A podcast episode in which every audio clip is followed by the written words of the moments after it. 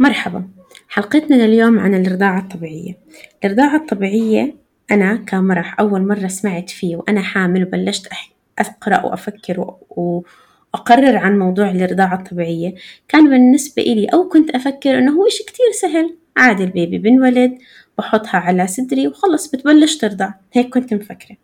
وللأسف تفكيري هاد خلق لي كتير صدمات بعد الولادة وعملت لي كتير صعوبات بالرضاعة الطبيعية. فعشان هيك part من آه البودكاست تاعي حبيت أعمل حلقة عن الرضاعة الطبيعية عشان نوعي كل الأمهات اللي حامل هلا وإن شاء الله رح يولدوا بالسلامة. ويبلشوا الرضاعة طبيعية يكونوا مستعدين لهاي المرحلة قد ما هي مرحلة حلوة قد ما هي مرحلة عن جد بدها استعداد برأيي. وعشان كمان أي أم هلا هي during الرضاعة الطبيعية أو الفطام أو أي مرحلة من هاي المراحل إحنا نكون نقدر نساعدها. ضيفتي بالحلقة لليوم روان. روان كيفك؟ أهلا. كيف حالك؟ شو أخبارك؟ تمام. روان أنا كتير مبسوطة صراحة إنه إحنا عم نسجل هلا وإنه زبطت نكون بعض مع بعض بحلقة الرضاعة الطبيعية. يعني thank you كتير. بالعكس والله أنا بدي أشكرك إنك يعني بتسلطي الضوء على موضوع كتير كتير مهم. ومرأت عدة سنوات الناس قللت من أهمية الرضاعة الطبيعية والتوعية. آه، بشأن الرضاعة الطبيعية. بس هلأ من جديد يعني من كم سنة بلشت الأمهات ترجع توعى أكثر على أهميتها وضرورة صحيح. الرجوع إلها. صحيح. روان عرفينا بحالك قبل ما نبلش نحكي بالموضوع. آه، هلأ أنا آه، بالبداية أم لخمس أطفال. ما شاء الله. الله يسعدك يسعدك ويعني كل دراستي لموضوع الرضاعة الطبيعية آه، انطلق من عند أمومتي بلش. آه، زي ما انت بلشتي وحكيتي إنك واجهتي صعوبات بسبب آه، قلة المعرفة قلة الخبرة قلة التوعية في المجتمع بشكل عام. أنا كمان واجهت هذا الموضوع بأطفالي بالبداية يعني أول أطفال. وقررت أنا أصلا عندي medical background يعني خلفية طبية فقررت إني أتخصص في هذا المجال بسبب حاجتي للمساعدة وما لقيتها. حلو بمجتمعي القريب يعني هلأ بالمجتمع الأبعد موجود بس بمجتمعي القريب أو بمدينتي ما كان في حدا يساعدني فقررت إني أنا أكون أول حدا يساعد الأمهات في مدينتي. ومن أنا بالبداية دارسه البكالوريوس فارم دي اللي هو دكتور صيدلة. واشتغلت فيه فترة بسيطة وبعدين انقطعت عن العمل لفترة طويلة يعني تقريبا ثمان سنوات آه، لأني قعدت مع أطفالي. وركزت عليهم وما كان يعني طبيعة عملي بتناسب إنه آه، يعني أقعد معهم آه، فترة منيحة. فقررت إني أترك وأركز عليهم. ودائما كان عندي قناعة إنه it's never too late إنه الواحد يرجع بأي وقت يعني.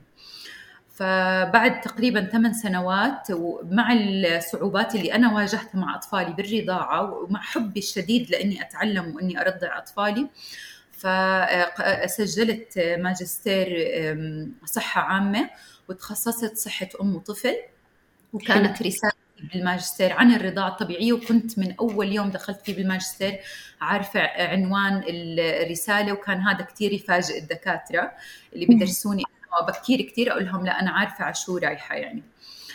فخلصت الماجستير الحمد لله وعملت رسالة عن الرضاعة الطبيعية ولقيت كثير إنه يعني من خلال رسالتي والبحث اللي عملته آه، في عدة مستشفيات في منطقة الشمال في إربد إنه في كثير ضعف بموضوع الرضاعة الطبيعية عندنا بالقطاع الطبي وحتى بالتوعية بشكل عام. وبعد ذلك طبعا هذا هون ما كان هاي كانت بداية الطريق. آه، أخذت بعدين دورات آه، حتى صرت أول إشي مرشدة رضاعة طبيعية اللي هي المرحلة الأولى. ولحسن الحظ كان في جابوا ناس من آه، أمريكا مختصين بالرضاعة الطبيعية كونسلتنتس يعني وعملوا دورة بالأردن. ومن لحسن الحظ أنا عرفت عنها وسجلت فيها وأخذت شهادة آه، فيها. وبعدين كان في برنامج اللي هو البورد الأمريكي آه، اللي بيأهلني أصير consultant بالرضاعة الطبيعية. وكان still مش موجود بالأردن لازم أدرسه اونلاين لحالي وأقدم الامتحان لحالي. فبرضه لحسن الحظ يعني الظروف شاءت بداية الكورونا. آه، انطرح هذا البرنامج في الأردن. عن طريق بوجه لها شكر دكتورة فاتن تميم اللي هي الداعم الأول والكبير لإلي. كل الشكر. طرحت البرنامج في الأردن وعملته على شكل كورس مدته تقريبا كانت فوق السنة ونص سنتين. درستنا فيه كل شيء يعني بتعلق بالبورد الأمريكي للرضاعة الطبيعية. وبعدين جهزتنا إنه نكون جاهزين ندرس مادة الامتحان لحالنا والحمد لله قدمت الامتحان وأخذت الشهادة. وهلأ أنا صرت consultant ب الرضاعة الطبيعيه يعني lactation consultant بقدر أشتغل بأي مكان في العالم. وحاليا عندي عيادة للرضاعه الطبيعيه أخصائية صحة أم وطفل ورضاعة طبيعية في مستشفى إربد تخصصي في منطقة الشمال في إربد. والحمد لله. يعني إنه قدرت أحقق هذا الحلم وأساعد كثير من الأمهات اللي فعلا بيواجهوا صعوبة. ما شاء الله روان صراحة يعني كثير هيك قصة ملهمة. قصة ملهمة من أكثر من ناحية. قصة ملهمة إنه إنه أنت وحدة درستي تخصص مهم كثير واشتغلتي فيه وبعدين كيف انقطعتي وحبيتي تتفرغي لأولادك بس بنفس الوقت كان عندك خطة إنك ترجعي مع إنه كثير في ناس بيحكوا إنه إنه أنا أنا درست طب أو طب صيدلي أو صيدلي أو هاي التخصصات الصعبة خلينا نحكي إنه لا أنا ما درست على الفاضي أنا راح أضلني مكملة وممكن يحطوا حالهم تحت ضغط أو بغض النظر أي تخصص بس حبيت إنه كيف آه كان عندك خطة وحبيت بس رجعتي هيك رجعتي بحماس رجعتي بقوة ورجعتي كملتي الإشي اللي أنت هيك يمكن حسيتيه your passion إنه خلص حسيتي هذا الإشي my passion فكملتي فيه وعم تبدعي فيه. عن جد ما شاء الله عليكي روان. واللي ما بيعرف روان هي بتكون بنت عمتي. فإحنا من, من إحنا صغار هيك أنا I look up to روان. يعني هيك أنا بحبها وبحب إنه كيف لما يكون حدا عندكم cousin كبير دائما بتحبوا تطلعوا عليه وإنه هذا اللي حدا إنه إنه دائما هيك inspires you بطريقة أو بثانية أنا هيك كنت أشوف روان وعن جد ما شاء الله عليكي روان. ما شاء الله عليك. يعني مش بدنا نقعد نجامل ببعض بس يعني يعني تخصصك كليا مختلف بس رحلتك في مجال الأمومة واهتمامك بالأم والطفل برضه هائل جدا. وأنا أنا دائما يعني بسعى إني أشوف كل شيء بتنزليه لأنه فعلا أنا بستفيد كثير يعني مش مجاملة ابدا. حبيبتي روان. روان كمان حكيتي إشي كثير مهم قبل إنه آه ما في دعم. تعرفي مرات يعني أنا كأم عندي طفلتين برحلتي برضاعة طبيعية معهم هلأ أنا ما بحب ألوم أو أحكي عشان هيك أنا ما كملت رضاعة طبيعية بس اللي كنت ألاحظه إنه بالمستشفيات اللي ولدت فيها ما كان في دعم للرضاعة الطبيعية وكانوا يحكوا لي إنه كانوا يفكروا إنه تو إجنور هاي الأكم من خطوة المهمة. بعد الولادة واليوم أو اليومين الأم بتقضيهم بالمستشفى بفكروا إنه خلص لاحقين برجعوا على البيت وبترضع. كانوا يتجاهلوا هاي الخطوات المهمة. وكمان بالبيت في مثلا جزء كبير من من أهالينا ما ما بحب أعمم بالآخر إنه خلص ريحي حالك أعطي هالبيبي الرضعة وشو بدك تضلك ترضعي. أو مرات في في أشياء بتحبط وأوريدي الأم بعد الولادة بتكون بفترة مش مستقرة لا نفسيا ولا جسديا. فمرات بتصير تفكر آه خلص أنا برتاح إذا بعطي أنينة أو خلص ما هي جوعان عم ببكي ليش أعذبه أكتر هالبيبي؟ خليني أعطي أنينة وأرتاح. بدي أبلش من من خليني أرجع ستيب لورا كمان. من وقت الحمل كيف مرات كثير بيسالوا آه انت ناوية ترضعي طبيعي ولا ناوية ترضعي صناعي؟ كثير في أمهات بيستعجلوا بالقرار صح؟ إنه لا أنا بدي صناعي أنا ما بحب الرضاعة الطبيعية أنا ما بتخيل إنه بيبي عم برضع مني. وفي أمهات بكونوا متحمسين أنا كنت منهم كنت مفكر المواضيع كثير سهلة إنه لا أنا بدي أرضع طبيعي وآه وإن شاء الله وخلص وناوية. بس يعني كنت كنت مقررة بس ما كنت عم باخد الأكشنز اللي تخليني أستمر بهذا الموضوع. فنيجي لفترة الحمل. كيف الأم تستعد للرضاعة الطبيعية تمام. هلأ حكيتي شغلة كثير مهمة ما رح ورح أنطلق منها. اللي هي بفترة الحمل اللي هو موضوع القرار. القرار أنا بدي أرضع طبيعي ولا بدي أرضع صناعي ولا بدي أرضع ميكس من من الطرفين. دائما أكثر نقطة بنركز عليها مع الأمهات إنه خذي القرار بس هذا القرار بنسميه informed decision. يعني مبني على معلومات ومبني على معرفة ومبني على وعي. ما يكون قرار بدون وعي. فأنا مع إنه الأم تاخذ القرار طبعا مبكرا أثناء فترة الحمل ودائما بنحكي متى هو الوقت المناسب إن الأم تبلش تفكر بموضوع الرضاعة؟ بال trimester الأخير اللي هو الجزء الثالث من الحمل. لأنه بتعرفي الحمل مقسم لثلاث أجزاء. أول ثلاث شهور ثاني ثلاث شهور المرحله الوسط ثالث ثلاث شهور third trimester اللي هو آه، المرحلة الأخيرة. إحنا ما بننصح أي أم تفكر بهذا الموضوع قبل ال trimester الأخير لأنه آه، موضوع الحمل بحد ذاته البيبي صحة الأم آه، بال بال بالمرحلتين الأولانيات من الحمل في مهم الأم تركز عليهم. هلأ بالترايمستر الأخير بنبلش نركز على موضوع الرضاعة الطبيعية والتحضير إلها. إضافة للتحضير للولادة وهدول الموضوعين مرتبطين مع بعض بشكل رئيسي جدا. القرار زي ما قلنا هو informed آه، decision يعني آه، لازم أبلش أنا آه، يعني ما بدي أحكي كلمة أدرس بس لازم أبلش أقرأ وأوعي نفسي بما يتعلق بالرضاعة الطبيعية. وإذا أنا مو عارفة أوعي نفسي لازم ألجأ للناس المختصين عشان هم يوعوني ويساعدوني. آه، إحنا بنبلش دائما إنه آه، نشرح للأم عن أهمية الرضاعة الطبيعية وهلأ كله رح ندخل مع بعض بالتفاصيل وتدريبها على الرضاعة الطبيعية وتدريبها على العناية بالطفل وتدريبها على العناية بجسدها بالثدي آه، تحديدا لأنه في أمور لازم يتم تحضير الثدي لها قبل الولادة. عشان أنا بعد الولادة أكون جاهزة. أيضا طريقة الولادة شو بدها تكون؟ عملية طبيعية آه، ولادة طبيعية ولا عملية قيصرية؟ في ناس بأخذوا قرار العملية القيصرية وفي ناس يجبروا عليه وفي ناس بولدوا طبيعي وبيكونوا مهتمين جدا إنه أنا بدي أولد طبيعي. المؤسسة اللي أنا بدي أولد فيها دكتوري النسائية داعمني ولا مش داعمني لازم أتكلم معه بموضوع الرضاعة عشان يربط الرضاعة بالولادة فأثناء عملية الولادة أنا أبلش مبكرا وبطريقة صحيحة. إذا دكتوري النسائية ما عنده توجه للرضاعة الطبيعية لازم أدور على حدا يدعمني في هذا الموضوع ويتكلم مع طبيبي إذا أنا مو حابة أغيره يعني. ويكون في اتفاق مسبق على كل هذه الأمور. المستشفى المؤسسه اللي أنا بدي أولد فيها تكون داعمة للرضاعة الطبيعية. أحاول أختار هذا المكان. برضه إذا أنا بمحيطي يعني أنا دائما بدي أفترض انه أنا ما لقيت مؤسسه تدعمني لأنه فعلا هاي مشكلة موجودة يعني. مش كل المؤسسات داعمة للرضاعة الطبيعية فأنا بدي أحاول برضو أتصل مع ناس أو أتواصل مع ناس يشاركوني بعملية الولادة ويدعموني وهدول موجودين بشكل فردي وشخصي بيقدروا يكونوا موجودين داخل المستشفى وقت الولادة ويدعموا الأم في موضوع الرضاعة ويهيئوها لهذا الموضوع بالاتفاق طبعا مع الطاقم الطبي.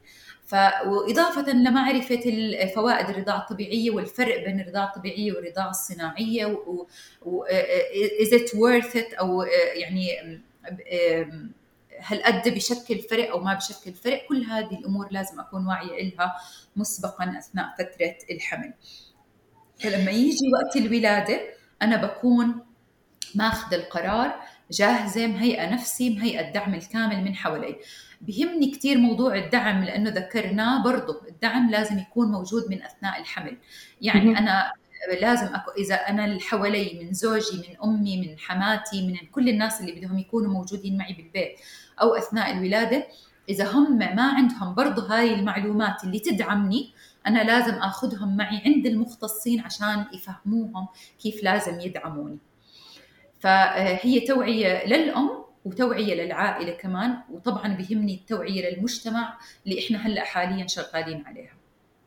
حلو كتير. طب لنفرض هلأ في أم حامل قاعدة عم تسمعنا وهي مقررة إنها ما ترضع طبيعي من دون أي سبب بيذكر إنه خلص أنا ما بحس حالي إنه ممكن أرضع طبيعي وأنا بدي بدي أعطي أنينة من أولها. كيف ممكن نشجعها من خلال فوائد الرضاعة الطبيعية؟ بالضبط. أهم نقطة أهم نقطة نحكي عن فوائد الرضاعة الطبيعية والفرق بين الحليب الطبيعي والحليب الصناعي لأنه عشان ننطلق من هون لأنه إذا أنا ما كنت عارفة الأهمية ما رح إشي يقنعني. فأهمية الرضاعة الطبيعية أول شيء الفرق بين حليب الأم والحليب الصناعي فرق السماء عن الأرض يعني لا يقارن أبدا أبدا ولا بأي شكل من الأشكال. الحليب الطبيعي أو آه، أو الحليب بالأم آه، هو انخلق بشكل إنه يناسب كل طفل على حدة. يعني هذا الحليب انخلق لهذا الطفل بالشكل اللي يناسب جسم هذا الطفل. وحليب الأم حليب متغير مش ثابت التركيب. من أول ما تولد الأم من من وقت الحمل ببلش جسم الأم يصنع هذا الحليب. فهو برضه هاي نقطة كثير مهمة الأمهات بيفكروا إنه الحليب بيجي بعد الولادة. لا الحليب موجود بجسم الأم من نصف الحمل تقريبا واللي هو بنسميه حليب اللبن بضل مع الأم حليب اللبن لثالث يوم بعد الولادة. طبعا فوائد حليب اللبن لا تعد ولا تحصى من حيث المناعة من حيث زيادة وزن الطفل من حيث العناصر الغذائية اللي مش موجودة ابدا بأي نوع حليب صناعي. فحليب اللبن بركز جدا على إنه شو ما أخذ منه الطفل هو كميته قليلة بس غني جدا بالعناصر الغذائية. فبيكفي دائما هذا السؤال يكفي أو لا يكفي إن أنا ما بشوفه كميته قليلة؟ أكيد ما بشبع كل الجواب على هاي الأسئلة إنه يكفي حاجات الطفل كامل من الناحية الغذائية. إضافة للناحية المناعية اللي رح تدعم الطفل لطول حياته مش مؤقتا. إضافة من فوائد الرضاعة الطبيعية في فوائد على الأم وفي فوائد على الطفل. حكينا موضوع المناعة حكينا موضوع التغذية. الأم اللي بترضع طبيعي ما بتحتاج أي نوع غذاء آخر لطفلها حتى الماء ما بيحتاجه لأنه حليب الأم فيه ماء كافي للطفل. إضافة لفي فوائد على جسم الأم. جسم الأم الأم نزيف ما بعد الولادة بخف أسرع لأن الهرمونات المسؤولة عن الرضاعة الطبيعية بتخفف من النزيف ما بعد الولادة. جسم الأم والرحم بضب بشكل أسرع. حماية الأم من الكثير من الأمراض ومنها بما أنه إحنا بشهر أكتوبر هلأ في حملات للحماية من أو الوعي المبكر بال بريست كانسر أو سرطان الثدي فبرضه من وسائل الحماية هي الرضاعة الطبيعية وطول فترة الرضاعة الطبيعية. يتناسب طردي. كل ما زادت فترة الرضاعة الطبيعية كل ما زادت موضوع الحماية من السرطانات وخصوصا سرطان الرحم سرطان الثدي. إضافة إلى أنه في حماية من عدة أمراض مزمنة مثل الضغط والسكري والسمنة. هذا يشمل الأم ويشمل الطفل. طبعا إحنا ما بنشوف هاي النتائج على الأطفال بشكل لحظي ومباشر إحنا بنشوفها على المدى البعيد. فإحنا مش الموضوع إنه حماية هلأ بس لأ إحنا كل ما زادت فترة الرضاعه الطبيعيه برضه التناسب طردي بتزيد مدة حماية الأطفال من هاي الأمراض المزمنة على كبر. من ناحية ال IQ اللي هو الذكاء طب كل ما الام رضعت فترة أطول كل ما أنا أعطيت فرصة للطفل إنه يكون يعني ال maximum من يستفيد من الخلايا العصبية والذكاء يكون عنده بشكل أحسن ويستفيد أثناء المرحلة الدراسية بشكل أفضل. في كمان كثير فوائد على الأسنان. في كثير ناس يخافوا من موضوع الرضاعات إنه حليب صناعي فيه نسبة سكر عالية والرضاعة بالليل خصوصا. هذا الإشي كله مش موجود بالرضاعة الطبيعية. يعني دائما بنقول للأم اللي بترضع حليب صناعي إنه لازم تغسلي تم طفلك قبل ما ينام. على القليلة بمي أو بشاشة تنظفي. تمه بينما هذا الحكي ما بنطبقه على الأم اللي بترضع رضاعة طبيعية لأنه ما في خوف من تسوس الأسنان. إضافة إلى أنه حركة الرضاعة الطبيعية حركة الفك عند الطفل أثناء الرضاعة الطبيعية بتساعد تحميه من مشاكل الفك وتقويم الأسنان هلا في طبعا عامل وراثي بس برضه إحنا بنخفف منه لأنه كل العضلات وطريقة حركة الفك بالرضاعه الطبيعية بتحمي الطفل أو بتخفف من مشاكل اللي هو الأسنان على كبر. فهذا من الناحية الصحية اللي عم نحكيها كمان إضافة إلى أنه طبعا تركيبة حليب الأم زي ما قلت لك هي تركيبة متغيرة بينما الحليب الصناعي هي تركيبة ثابتة أعطيته إياه اليوم أعطيته إياه بعد سنة هو نفس التركيبة فهو لا يتوافق مع حاجات الطفل كاملة. بينما حليب الأم باليوم الأول غير عن اليوم الثاني غير عن اليوم الثالث غير عن بعد شهر غير عن بعد ست شهور. فكل مرحلة عمرية حليب الأم متغير بحيث إنه يتناسب مع حاجات الطفل الجديدة، الطفل بمرض بتزيد الأجسام المناعية بحليب الأم فبيساعد إنه يقاوم المرض أسرع. طبعا إنه وجود الأجسام المناعية بحليب الأم بيحمي أصلا الطفل من الأمراض والالتهابات المنتشرة وخصوصا أكثر شيء منتشر التهاب الأذن هذا ما في خوف منه مع الرضاعة الطبيعية مش زي طبعا نسبة حدوثه مع الرضاعة الصناعية.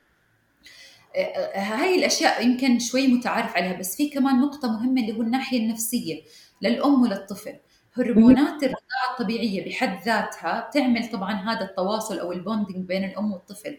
فبيزيد كثير إفراز هرمون السعادة آه، عند الطرفين وبنقص هرمون ال stress اللي هو الكورتيزول. هدول الهرمونين بيشتغلوا عكس بعض تماما. كل ما ارتفع هرمون السعادة كل ما قل هرمون ال stress فالرضاعة الطبيعية ينفرز فيها هرمون الاكسيتوسن أو هرمون السعادة بشكل عالي جدا. وبالتالي دائما بيكون هرمون الكورتيزول أو هرمون ال stress آه، أو الضغط النفسي والتعب بأقل مراحله فدائما الطفل بيكون مرتاح والأم بتكون مرتاحة أكثر آه، بعملية الرضاعه الطبيعيه بطمأنينة وبشعور آه، أفضل. الناحية النفسية أيضا إنه الأم اللي بترضع رضاعة طبيعية دائما آه، ثقتها بنفسها أعلى، طبعا هذا بشرط إنه تكون عم أخذت التعليم اللازم ومدربة وعندها الوعي الكافي، أما أم بترضع بس هي ما عندها الوعي ودائما مشككة بنفسها هون بتحتاج دعم عشان أنا أعلمها وأدعمها أكثر لحتى توصل لمرحلة الثقة اللي إحنا بدنا إياها، فالأم المتعلمة الواعية بيكون ثقتها بنفسها أعلى من الأم اللي دائما ممكن كلياتنا مرقنا بهذا وأنا واحدة منهم. اللي هو أنا لو إذا بدي أعطي لطفلي حليب صناعي دائما عندي شعور طب إنه ليه ما أنا أعطيه من حليبي؟ يعني إنه هو أكيد أحسن له. فهذا الشعور اللي بيكون عندنا الصراع موجود داخل الأمهات آه، بنحب دائما إنه نشجع الرضاعة الطبيعية عشان نرفع شعور الثقة بالنفس عند الأم وتكون مرتاحة آه، أكثر طبعا يعني بقدر أحكي من هون لبكرة عن فوائد الرضاعة الطبيعية بس أنا عم بحاول أركز على الأهم النقاط إضافة في طبعا إذا بدنا نحكي من الناحية المادية والناحية البيئية في طبعا فوائد الرضاعة الطبيعية. الناحية المادية أكيد هو أوفر لل... لل... للجيبة وأوفر للوقت. لأنه الأم اللي بترضع رضاعه طبيعية مش مضطرة تقوم إنها تحضر أناني وتعقمهم ودرجه حرارة مي مناسبة. ويعني أضمن انه هاي كل هالاشياء تكون مناسبة لطفلي. أنا مجرد ما حملت الطفل وحطيته على الثدي هو أخذ درجه الحليب بدرجة الحرارة المناسبة معقم جاهز. آه، بكميته المناسبة اللي بيحتاجها هذا الطفل. آه، عن الناحية البيئية آه، استخدام هدر المياه استخ... كل هاي الأشياء البلاستيكية اللي أنا بستخدمها كلها ملوثة للبيئة. بينما ال ال الرضاعة الطبيعية برضو إحنا بننظر لها آه، من ناحية بيئية إنها هي آه، بسميها green يعني go green with the environment. ما فيها أي waste ما فيها أي packaging ما فيها أي تلوث للبيئة. آه، يعني آه، برضو آخر إشي ممكن يعني هو طبعا في كتير بس آخر إشي حابة أركز عليه برضو من الناحية الجسدية إنه التباعد بين الأحمال. الأم اللي بترضع رضاعة طبيعية إحنا بنعرف إنه هي بتحميها آه، زي مانع للحمل وتنظيم الأسرة لمدة ست شهور كاملين. بتقدر إنها ما تلجأ لأي وسيلة ثانية. طبعا هذا بشرط إنها في شروط له إنها ترضع رضاعة طبيعية مطلقة يعني ما يدخل أي شيء على تم الطفل ترضع بالليل وبالنهار. وانه ما تكون رجعت لها الدورة الشهرية. آه، هدول الثلاث شروط. إذا تحققوا فهو بيكون مانع للحمل ووسيله لتنظيم الأسرة بدون ما ألجأ لأي شيء آه، خارجي.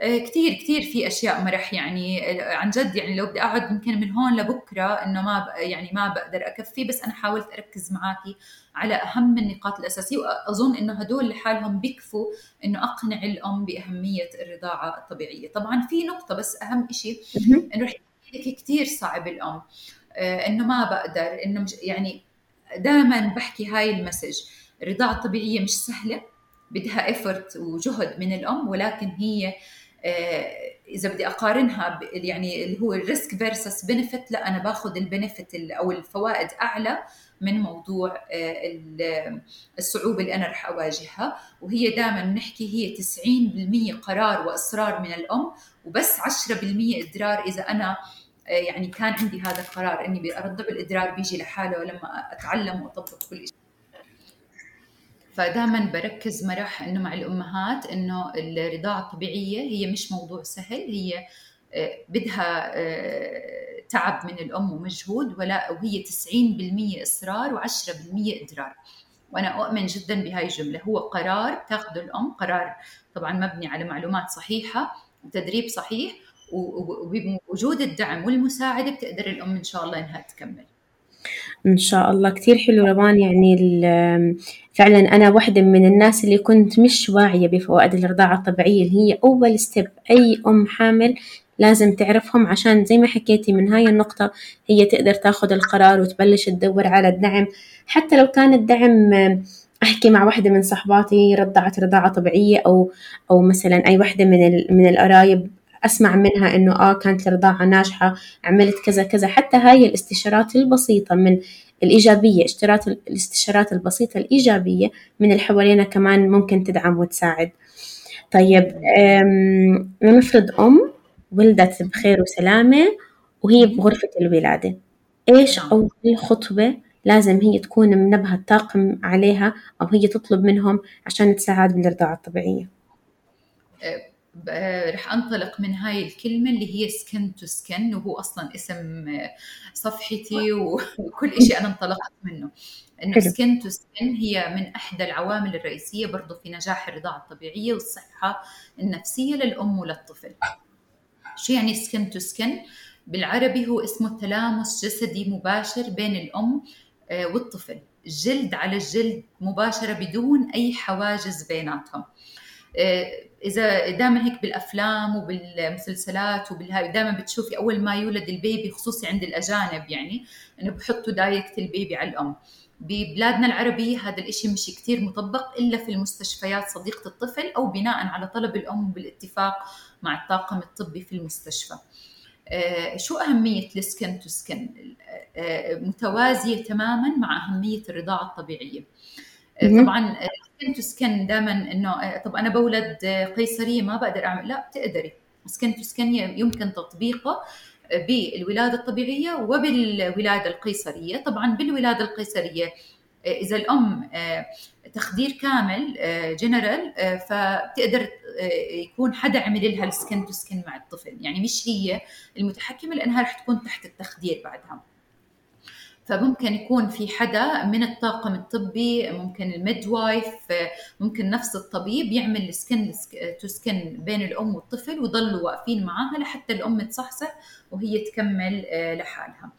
وهلأ صار حتى يعني هلأ الحمد لله تطور العلم كثير وأنواع التخدير ومسكنات الألم صارت الأم تصحى منها كثير بسرعة وما إلها هاي الآثار الجانبية اللي كنا نلاحظها زمان.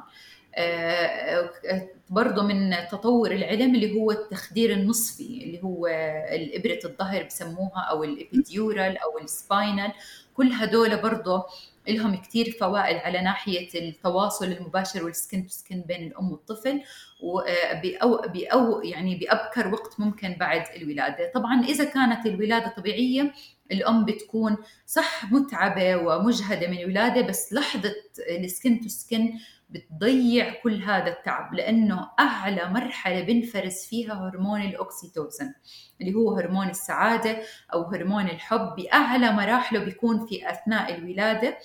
فمجرد ما الأم حطت الطفل على صدرها أو على بطنها تلقائيا بتنسى جزء كبير من هذا الوجع. وبتعيش هذا اللي بسموه ال relaxation أو الشعور بالسعادة. skin to skin إحنا دائما بنفضل نبلشه مش direct على ثدي الأم لا بنفضل نحط الطفل على منطقة البطن تحت الثدي. والطفل بيعمل بشكل فطري زحف لعند منطقة الثدي. ما أحلى. جد ما أحلى. أي مساعد. طبعا إحنا لازم يكون في حد واقف عشان in case لا سمح الله زحلق الطفل أو شيء فيعني في دعم حواليها. ولكن الطفل لازم ينحط على منطقة البطن تحت الثدي وهو يعمل بالفطرة تاعته زحف لمنطقة الثدي. طب كيف بده يعرف وين يروح؟ برضه بالفطرة الطفل شكل ثدي الأم بيخلي الطفل يعرف وين يروح. كيف هذا؟ يعني كيف تفسيرها العلمي هلأ الثدي مكون من نسيج الثدي وفي منطقة دائرية اللي لونها بني اللي بسموها الأريولا أو الهالة باللغة العربية وفي منطقة النبل أو الحلمة اللي هي المنطقة اللي بنص الهالة. لون الهالة أثناء الحمل مع الهرمونات بصير أغمق عند كل الأمهات. وهذا الإشي عشان يساعد الطفل يتعرف على هاي المنطقة يميزها عن بقية الثدي ويعرف إنه هو لازم يروح هناك. إضافة لوجود آه، زي نتوءات صغيرة على منطقة الهالة هيك بتكون بروزات صغيرة بتظهر برضو أثناء الحمل وبتزيد اسمها مونتي جومري جلانس. شو هدول؟ هم زي غدد صغيرة بتفرز مادة دهنية إلها فائدتين. واحدة إنها تعمل ترطيب لهاي المنطقة فبتصير عندها ليونة وفلكسبيليتي أعلى إضافة إلى أنها بتف... هاي المادة إلها ريحة مميزة بتخلي الطفل كمان يعرف إنه بده يجي لهون. فبزحف من الريحة ومن اللون المميز الأغمق صار أثناء فترة الحمل وبيروح. آه، بطبيعة الحال كل طفل بنولد وكل أم بدها تدريب على طريقة الرضاعة الطبيعية ما عدا في اللحظة الأولى لما نعمل سكن تو سكن هاي اللحظة لا تتطلب أي تدريب أو أي مساعدة من أي حدا. هاي اللحظة بتصير بالفطرة مرح. وهاي يعني إشي عظيم صراحة نشوفه كنا بعيننا إنه هي اللحظة الوحيدة اللي ما بتحتاجي فيها تدريب. بعديها رح ترجعي تحتاجي تدريب لما توعي ويوعى الطفل. بس هاي اللحظة بتصير لحالها. الطفل بزحف لحاله لعند الثدي وبيفتح تمه بطريقة ممتازة. لا يحصل على لاتش أو بنسميه التقام صحيح للثدي وبتحصل الرضعة الأولى تلقائيا بالفطرة. وهذا الحكي لا ينطبق بعدين صراحة. وهو إشي غريب بس هائل جدا. يعني يعني لما تحضريه على أرض الواقع بتقولي عن جد سبحان الله. فبيحصل على الرضعة الأولى بالفطرة وطبعا وما بيهمني قد إيه بقعد ابدا ما بيهمني التوقيت بيهمني إنه تحصل الرضعة الأولى. شو ما أخذ؟ آه، آه، يعني سحبتين ثلاثة قد ما بده ولو ترك ونام بعديها ممتاز. حتى لو أخذ كمية قليلة هي كافية إنها تكفي له كمان ثلاث ساعات لقدام. طبعا هذا بالوضع إنه الحمد لله الطفل انولد بصحة جيدة ما عنده أي مشاكل طبية. Okay؟ طبعا هو اللي بينطبق على عدد كبير من الأطفال. يعني النسبة الأعلى إنه بتنولد بحالات طبية سليمة فبقدر أتركه يعيش هاي اللحظة تماما. طبعا ال skin to skin بيرفع من هرمونات الرضاعة الطبيعية اللي هو الهرمون البرولاكتين والأكسيتوسين اللي بيساعدوا طبعا على أنه نبلش جسم الأم ينتج الحليب بشكل أكبر آه، وعلى تحفيز جسم الأم على إنتاج الحليب. إضافة إلى أنه حكينا في مناعة الطفل باخذها من نفس تركيبة الحليب بس في مناعة أيضا باخذها الطفل من جسم الأم عن طريق السكن تو سكن يعني في أجسام مضادة بتنتقل من الأم للطفل عن طريق التلامس الجسدي فبنعزز موضوع المناعة بشكل أكبر. الأطفال اللي بيعيشوا السكن تو سكن مع أمهم برضه هدول آه، بمعدل ضربات القلب عندهم بصير منتظم أكثر معدل التنفس أحسن.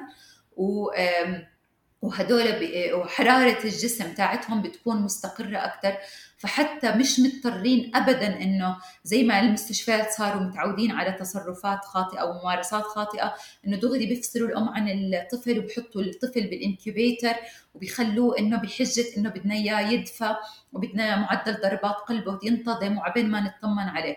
كل هاي الأمور إذا الطفل انولد بصحة جيدة والأم كويسة لا بنقدر نحصل عليها بس من ال skin to skin وبيقدر يضل عند أمه لمدة تقريبا ساعة كاملة قبل ما نجري له أي فحص طبي. وهذا الإشي بعمل له exception فقط إذا كان في خطورة على على حياة الأم أو حياة الطفل. بس أي وضع ثاني طبيعي بقدر أجل أي فحص طبي لبعد ساعة. حلو حلو كثير حلوة هاي المعلومات. طيب آه خلصنا ال skin to skin والأم وال baby أخذ أول رضعة آه انفصلوا راحت الأم على غرفتها الطاقم الطبي أخذ الطفل. إيش ال next step بالمستشفى؟ كل قديش لازم الأم تطلب الطفل عشان ترضعه. حلو. هلأ برضه الخطوة ال next step هلأ هدول اللي عم بحكي معاكي فيهم هم بنسميهم ال 10 steps for baby friendly hospital initiative اللي هي العشر خطوات من أجل مستشفى صديق للطفل. وهذا العالم كله ماشي بهذا الاتجاه وإحنا الحمد لله بالأردن برضه بالسنوات الأخيرة متجهين لهذا الاتجاه. يعني آه، يعني عم بزيد الوعي الحمد لله. فال next step زي ما قلت لك أنا بيهمني التلامس الجسدي يصير بالساعة الأولى والرضع لو يحصل على رضعة كثير بسيطة صغيرة بس تتم خلال الساعة الأولى للساعتين الأولانيات. أول شيء كانت ساعة أولى ومع الوقت زادوهم لحد ساعتين وبسموهم الساعات الذهبية. يعني قد ما هم مهمين. هلأ ال next step آه، آه، تمام حصل كل هاي الأمور. بقدر آخذ الطفل بعديها إذا بدهم يعملوا له وزن فحوصات طبية أي شيء بدهم يعملوه ممكن ياخذوه بعد هاي الساعة وبعد الساعتين ويعملوا له كل هاي الأمور. والأم تروح على غرفتها وترتاح وتجهز حالها وتريح وتنام لها شوي. هلأ بعدين يفترض إنه الخطوة الثانية اللي هي شيء اسمه rooming in شو يعني rooming in يعني الطفل لازم يضل مع أمه في غرفة في غرفتها. الطفل مكانه الأساسي جنب أمه مش مكانه الأساسي في الحضانة أو بال nursery أو بالخداج. الأطفال بالعادة لازم يضلوا بالخداج اللي هم عليهم خطورة أو أنا بدي أراقب هذا الطفل خايفة من شيء معين. ولكن أي طفل ما عليه أي خطورة. أموره الصحيه تمام. الأم أمورها الصحيه تمام. الطفل يجب أن يبقى مع أمه في غرفتها طول الوقت. وفقط يذهب إلى ال nursery. في حال بده بده يغيروا له. في حال في فحص طبي معين بده ينعمل له. ويرجع مباشرة بعديها عند الأم. دائما لازم يكون بنسميه هذا ال rooming in اللي هو بقاء الطفل مع الأم طول الوقت. ليش؟ شو فوائد ال rooming in؟ أول شيء سهولة إنه الأم يعني بدل ما أنا كل شوي بدي أرن تليفون أطلب إنه جيبوا لي baby بدي أرضعه. وإذا كان الكادر مشغول بأطفال ثانيين ومش فاضي يجيب الطفل فرح يصير في تأخير على عملية الرضاعة الطبيعية. فما طول الطفل موجود معي أنا بالغرفة رح يسهل عملية الرضاعة الطبيعية. كل قد إيه لازم الأم ترضع on demand يعني كل ما بده الطفل. طبعا آه، مرح كل هذا الحكي اللي أنا بحكي فيه من منطلق إن الأم كانت مدربة ومتعلمة على موضوع الرضاعه الطبيعيه بس أنا هذا الحكي ابدا ما بقدر أطبقه إذا الأم جاي وما عندها أي فكرة. okay؟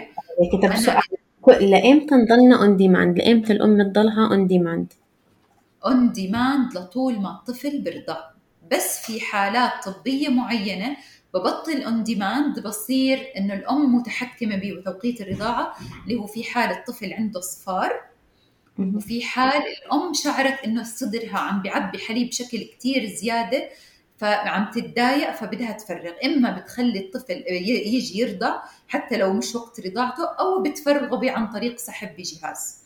هدول فقط الحالتين اللي أنا بدي أنا أتحكم بوقت الرضاعه غير عن ذلك on demand ما طول الطفل برضع دائما على حاجة الطفل.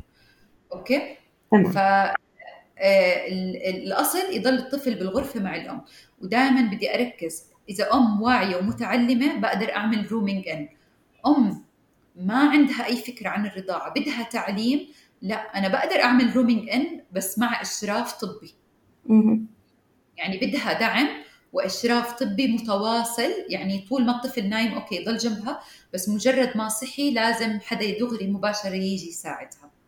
بس إذا هي مدربة ومجهزة لهذا الموضوع مش مضطرين أنادي كل مرة حدا يجي يساعدها وهي هاي صراحة المشكلة اللي بنواجهها بالمستشفيات إنه الأغلبية العظمى ما بتكون جاي مدربة ولا واعية ولا الكادر الطبي فاضي إنه يضل رايح جاي عند الأم لأنه في عدد كبير من الأمهات والولادات.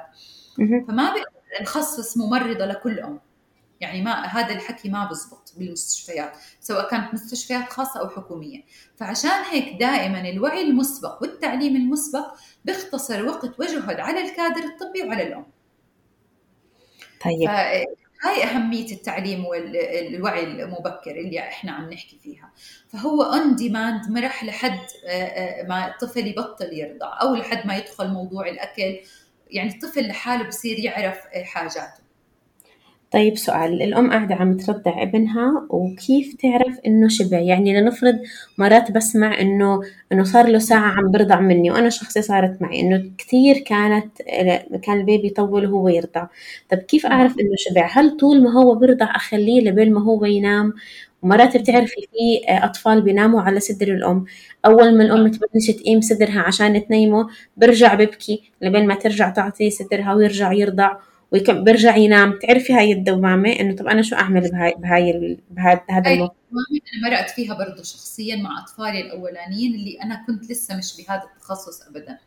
فأنا كل المشاكل اللي بيحكوا لي عنها الأمهات صراحة أنا مارقة فيها يعني. فعارفة من هم من وين بيحكوا يعني عارفة بالضبط اللي هم مرقوا فيه. موضوع علامات الجوع وعلامات الشبع من أهم الأمور اللي برضه لازم تتعلمها الأم. في مرحلة التعليم المبكر. إضافة آه، آه، غير أني بدي أعرف موضوع علامات الجوع وعلامات الشبع بدي الأهم منه أني أتعلم كيف ارضع صح عشان أقدر أطبق موضوع علامات الجوع وعلامات الشبع يعني الأهم إنه الأم تتعلم الجلسة الصحيحة. في two points أول شيء position بنسميه جلسة صحيحة وحمل طريقة حمل صحيحة للطفل. وال second point اللي هي طريقة التقام أو ال latch تم الطفل على الثدي كيف بده يمسك بالطريقة الصحيحة. وهدول هم ال two key points أو المفاتيح الأساسية لنجاح الرضاعة الطبيعية إضافة لعدد مرات الرضاعة. فإذا هدول أنا كنت مدرب عليهم متقنيتهم بشكل تام آه، ساعتها بقدر أحكي لك عن علامات الجوع وعلامات الشبع وتطبيقها. علامات الجوع وعلامات الشبع. علامات الجوع بالعادة هي مراحل. في مرحلة أولية للجوع في مرحلة ثانوية وفي مرحلة نهائية للجوع. المرحلة الأولية بالعادة بتبلش أثناء النوم. أثناء النوم الطفل في مراحل نوم مختلفة. في نوم عميق وفي نوم سطحي.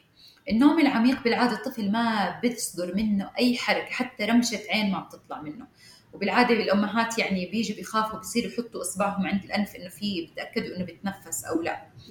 إنه قد ما بيكون الأمهات طبعا آه كلنا يعني إنه آه إنه مش ما في أي حركة. هذا هون الطفل بيكون في مرحلة النوم العميق واصلا ما بنحب نزعج الطفل ابدا بهاي المرحلة لأنه بتكون إفراز هرمونات النمو الجروث هرمونز كثير عالية.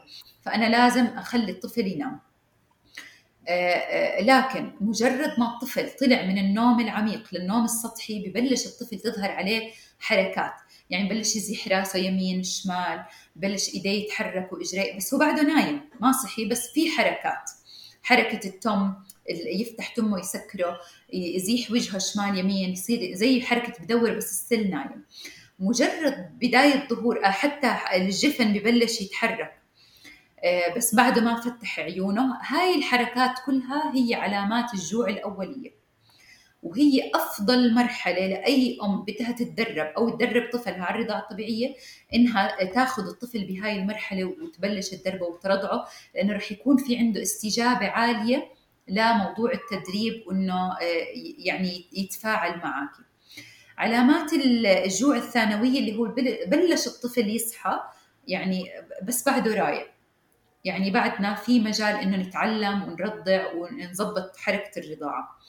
العلامات النهائية وطبعا ببلش بمرحلة الجوع الثانوية يجيب إيده على تمه يحط يمص على إيده يصير يدور أكثر بس بعدنا رايقين يعني ما ما في عياط.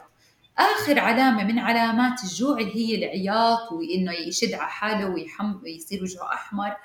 آه وهون لما نوصل لمرحلة الجوع النهائية لا ينصح ابدا إنه الأم ترضع والبيبي يعيط. وهي هاي معظم الأخطاء بتصير هون إنه الأم تستنى لحتى البيبي يعيط. بتروح بتجيب ساعتها وبتبلش بدها ترضعه وبدها تدربه صح؟ وهون الطفل تقبله لإنه يتدرب أو يمسك حتى بطريقة صحيحة حتى لو هو اوريدي مدرب رح يكون بده حليب بأي شكل من الأشكال. وإفراز الحليب عند الأم مش زي الرضاعة الصناعية.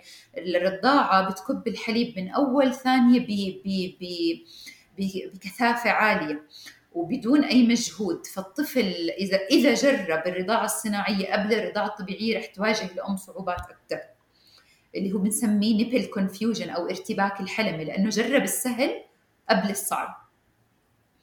فدائما هاي أكثر مشكلة بتواجهنا مع الأمهات إنه ال nipple confusion أو ارتباك الحلمه طبعا آه، أكيد كل شيء بتزبط. يعني أي مشكلة بتواجه الأم برضاعه طبيعية لها حل ولها تظبيط بس بده شوية صبر وتدريب أكثر فيفضل دائما إنه أول إشي جرب الطفل هو الرضاعة من ثدي الأم عشان بصير إشي بالدماغ اسمه imprinting طباعة بالدماغ إنه هاي هي طريقة الرضاعة اللي أنا بدي أتعلم عليها. فدائما يفضل إنه نبلش بالرضاعه الطبيعيه وهون بنرجع لأهمية ال skin to skin وهذا اللي صار بالأول. هلأ فحكينا عن مراحل الجوع فلا يفضل ابدا إنه أنا أستنى للمرحلة النهائية من الجوع اللي هي مرحلة العياط. ان كيس أو لا يعني صدفت إنه الأم انشغلت عندها أطفال ثانيين عندها مسؤوليات وما انتبهت على الطفل ووصل لمرحلة العياط. برضعه وهو بيعيط لا. يفترض إني أنا أهديه أتمشى فيه أعمل له سكن تو سكن أروقه قبل ما أفكر إني أحطه على الثدي. ويفضل أيضا إني أساعده بإني أعمل شوية مساج وتدليك للثدي أو أستخدم عصر يدوي بالإيد أو أستخدم جهاز بحيث إني أحفز الثدي فالطفل لما أجي بدي أحطه ما يتغلب عبين ما بده يجيب الحليب. لأنه الحليب بثدي الأم ما بنزل دايركت يعني هو الطفل بده يمص كم مرة أو يعني يعمل skin كم مرة ببلش ينقط عليه الحليب بعدين بصير الإدرار. وهيك جسم الأم بيشتغل بالتحفيز. فأنا إذا الطفل شايفيته كثير معصب وجوعان كثير بحاول إني أروقه سواء أنا أو حدا من اللي بيساعدوني سواء الأب الأم التيتا أي حدا.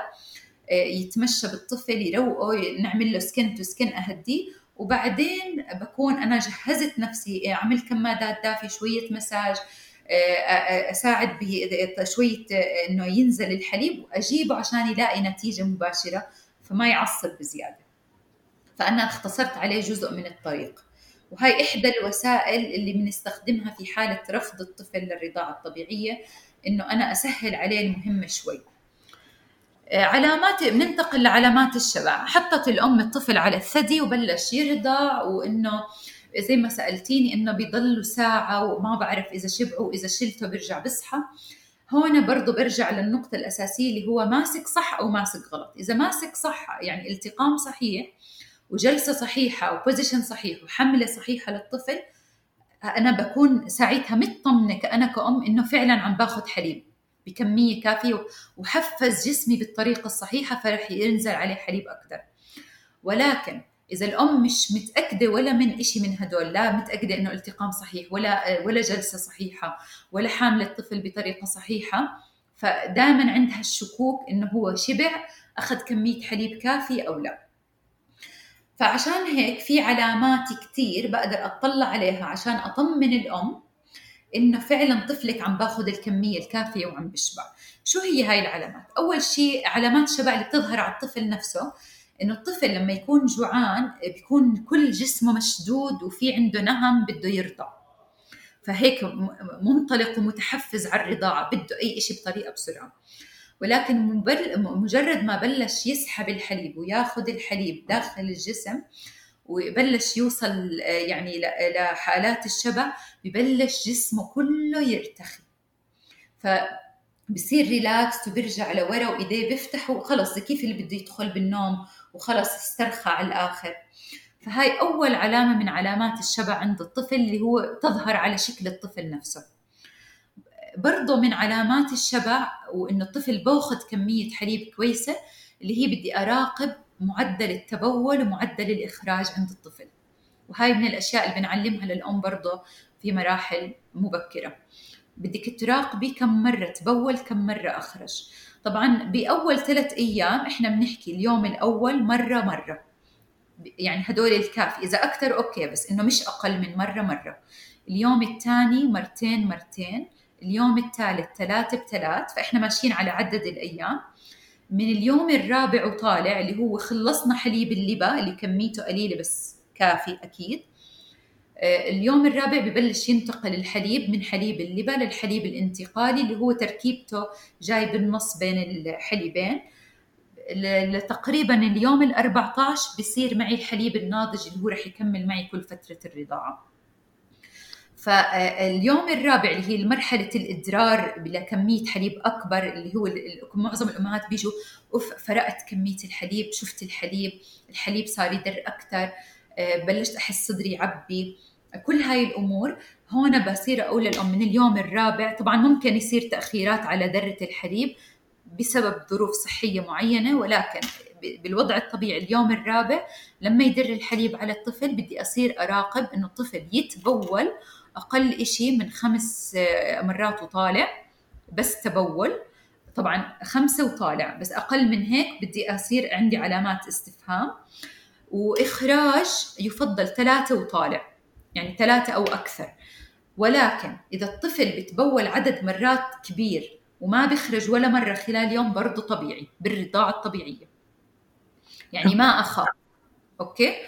ممكن الطفل اللي بيرضع رضاعة طبيعية حصرية exclusive breastfeeding يمرق عليه لحد أسبوع 10 أيام ما يخرج ابدا وما بعتبره إمساك. بس بالمقابل عم بتبول كتير كتير. يعني بيكونوا هدول بالعادة بتبولوا كتير. ولكن إذا ما في إخراج ولا في تبول ساعتها الطفل عنده جفاف. أوكي؟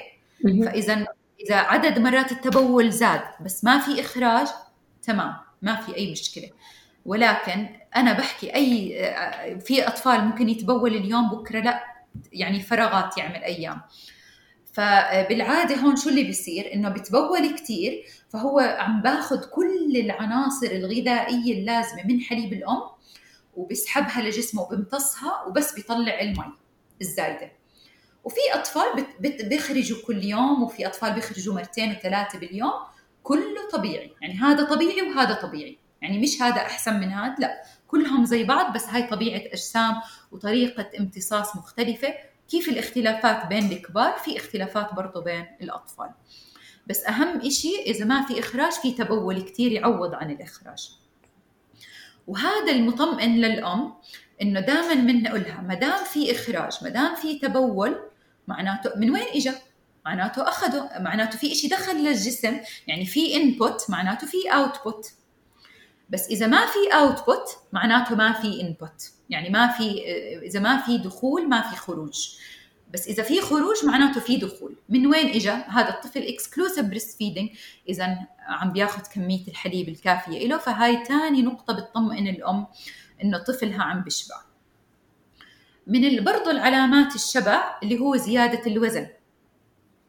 وهذا طبعا أنا ما ب... أنا ما بقيس وزن الطفل يوم بيوم. أنا تقريبا بال... بالشهر الأول بنقول للام راجعي يعني إذا الأم عندها تخوفات كثير راجعي على الأسبوع أو على عشر أيام عند طبيب الأطفال ووزني على الميزان ويفترض يكون الطفل خلال ماكسيموم 10 أيام رجع وزن الولاده يعني طفل انولد 3 كيلو لازم كحد أقصى على 10 أيام يكون آه، رجع 3 كيلو أو أكثر. ولكن إذا أقل من 3 كيلو برضه هون بصير أشك إنه الطفل ما عم برضع يا إما عدد مرات غير كافي أو طريقة خاطئة بدها تظبيط okay؟ ف آه، آه، وين الأمهات بشكوا؟ أنا حليبي غير كافي. أنا ما برد آه، يعني أنا ما بشبع طفلي. مرح لا يوجد أم على وجه الكرة الأرضية ما بتشبع طفلها إلا إذا عندها مشكلة في طريقة الرضاعة مشكلة في عدد مرات الرضاعه أو مشكلة صحية مشخصة مسبقا. ولكن أم بترضع بطريقة صحيحة عدد مرات كافي. ما عندها مشاكل صحية لا يمكن إنها ما تشبع طفلها. ما في أي إثبات علمي على هذا الحكي. وهذا عليه دراسات علمية على مستوى يعني سنوات عديدة. بس هو يعني أنا بدي أحكي لك من الناس اللي بشوفهم بعيادتي. الأغلبية العظمى ما بيرضعوا بطريقة صحيحة وبتكون مفكره حالها بترضع بطريقة صحيحة آه، بناء على نصائح اللي حواليها اللي هم بدهم يساعدوها بس مو عارفين كيف. يعني هم مش قصدهم ما يساعدوها هم ما بيعرفوا صح؟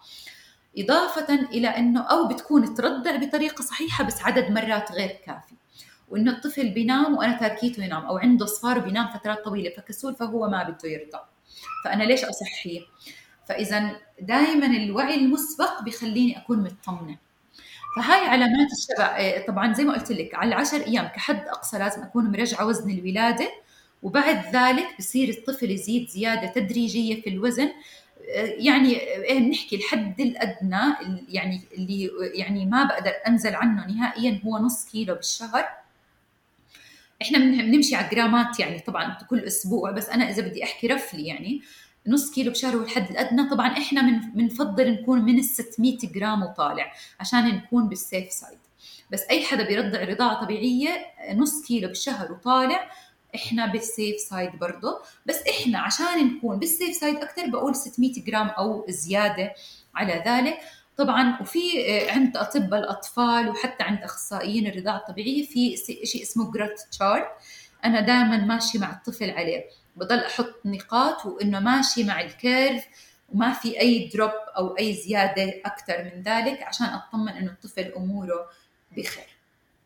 حلو يعني ما في مقولة أنا حليبي ما بيشبع هاي هاي it's a myth خلينا نحكي هذا مش إشي. total myth حتى أنا أنا شخصيا عانيت منها إنه اللي حوالي كانوا يقولوا لي أكيد ما بيشبع ما بي آه، ما بينام ما يعني طبعا برضه هاي من ال myth المنتشرة إنه إذا الطفل بيضل يصحى الرضاعة الطبيعية الطفل بده يصحى. فعشان هيك اسمها on demand لأنه حليب الأم يتم هضمه واستهلاكه بجسم الطفل بشكل أسرع. يعني هو ميزة حليب الأم إنه هضمه أسهل. هاي من فوائد الرضاعة الطبيعية أصلا. بينما الحليب الصناعي لأنه صناعي ولأنه فيه مركبات صناعية هضمه أصعب ونوع البروتين اللي فيه مستخرج من البقري. فيعني هضمه لجسم الإنسان بهاي المرحلة العمرية أصعب. لسه الجهاز الهضمي عند الطفل ما تم تطور ما هو ما بيكون لما ينولد الطفل ما بيكون الجهاز الهضمي مكتمل. لسه في مرحلة اكتمالية. العناصر الغذائية الموجودة بحليب الأم بتساعد على اكتمال الجهاز الهضمي. بينما اللي بيرضعوا حليب صناعي من أول يوم بيعانوا من مشاكل هضمية. والحليب الصناعي صعب هضمه. فعشان هيك بصير عندهم إمساك بصير في عسر هضم بصير عندهم نفخة أكثر فهاي وحدة من فوائد الرضاعة الطبيعية سهولة الهضم بس هذا يتطلب من الأم عدد مرات رضاعة أكبر. طيب يعني اللي بيرضع طبيعي ما بصيبه أو بصيبه بأقل مغص بالبرضعه صناعي طب إذا إذا طفل برضع طبيعي وصابه مغص كيف ممكن الأم تتصرف؟ ولا لا مش ممكن يصيبه مغص؟ لا بصيبه مغص أكيد. المغص أو الكوليك إحنا بنسميه علميا هو إشي ستاندرد بحياة الطفل بالأول ثلاث أربع شهور من حياته. ولكن حدوثه أقل بالرضاعة الطبيعية إذا كان يتم ممارستها بشكل صحيح.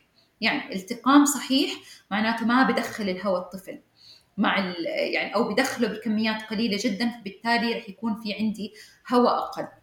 برضه من أهمية يعني هاي بتيجي هون أهمية التدشاي. سواء برضع طبيعي ولا صناعي لازم أدشيه على كل الأحوال. وطريقة التدشاي الصحيحة بتساعده أكثر إذا تدشى صح وقت كافي يعني بالعادة الأم بتطبطب مرتين ثلاثة طلع غازات مشي الحال ما طلع غازات انتهينا. لا التدشاي بدها تاخذ تقريبا من عشر دقائق إلى ربع ساعة. I know this يعني آه، يمكن long time لأنه لبعض الأمهات إنه أنا ما عندي هالقد وقت اقعد أدشي. أنا بقول مش دائما بس حاولي. يعني حاولي قدر الإمكان إنك دائما تدشي بعد الرضاعة سواء طبيعي أو صناعي دائما دشي وأعطي الوقت الكافي ودشي بطريقة صحيحة. بالعادة هي طبطبة وبرضه مساج من تحت لفوق على الظهر من تحت لفوق عشان أساعد الغازات إنها تطلع وبكون حاطة معدة الطفل على كتفي. يعني مش هو معدته تحت لا معدته على كتفي بحيث يصير في ضغط خفيف. مع الطبطبة والمساج اللي من تحت لفوق بساعد إنه الغازات تخرج. ممكن يخرج غازات ممكن ما يخرج وهذا بيعتمد على قديش الالتقام صحيح على قديش الطفل مت يعني متدرب بطريقة صحيحة على الرضاعة.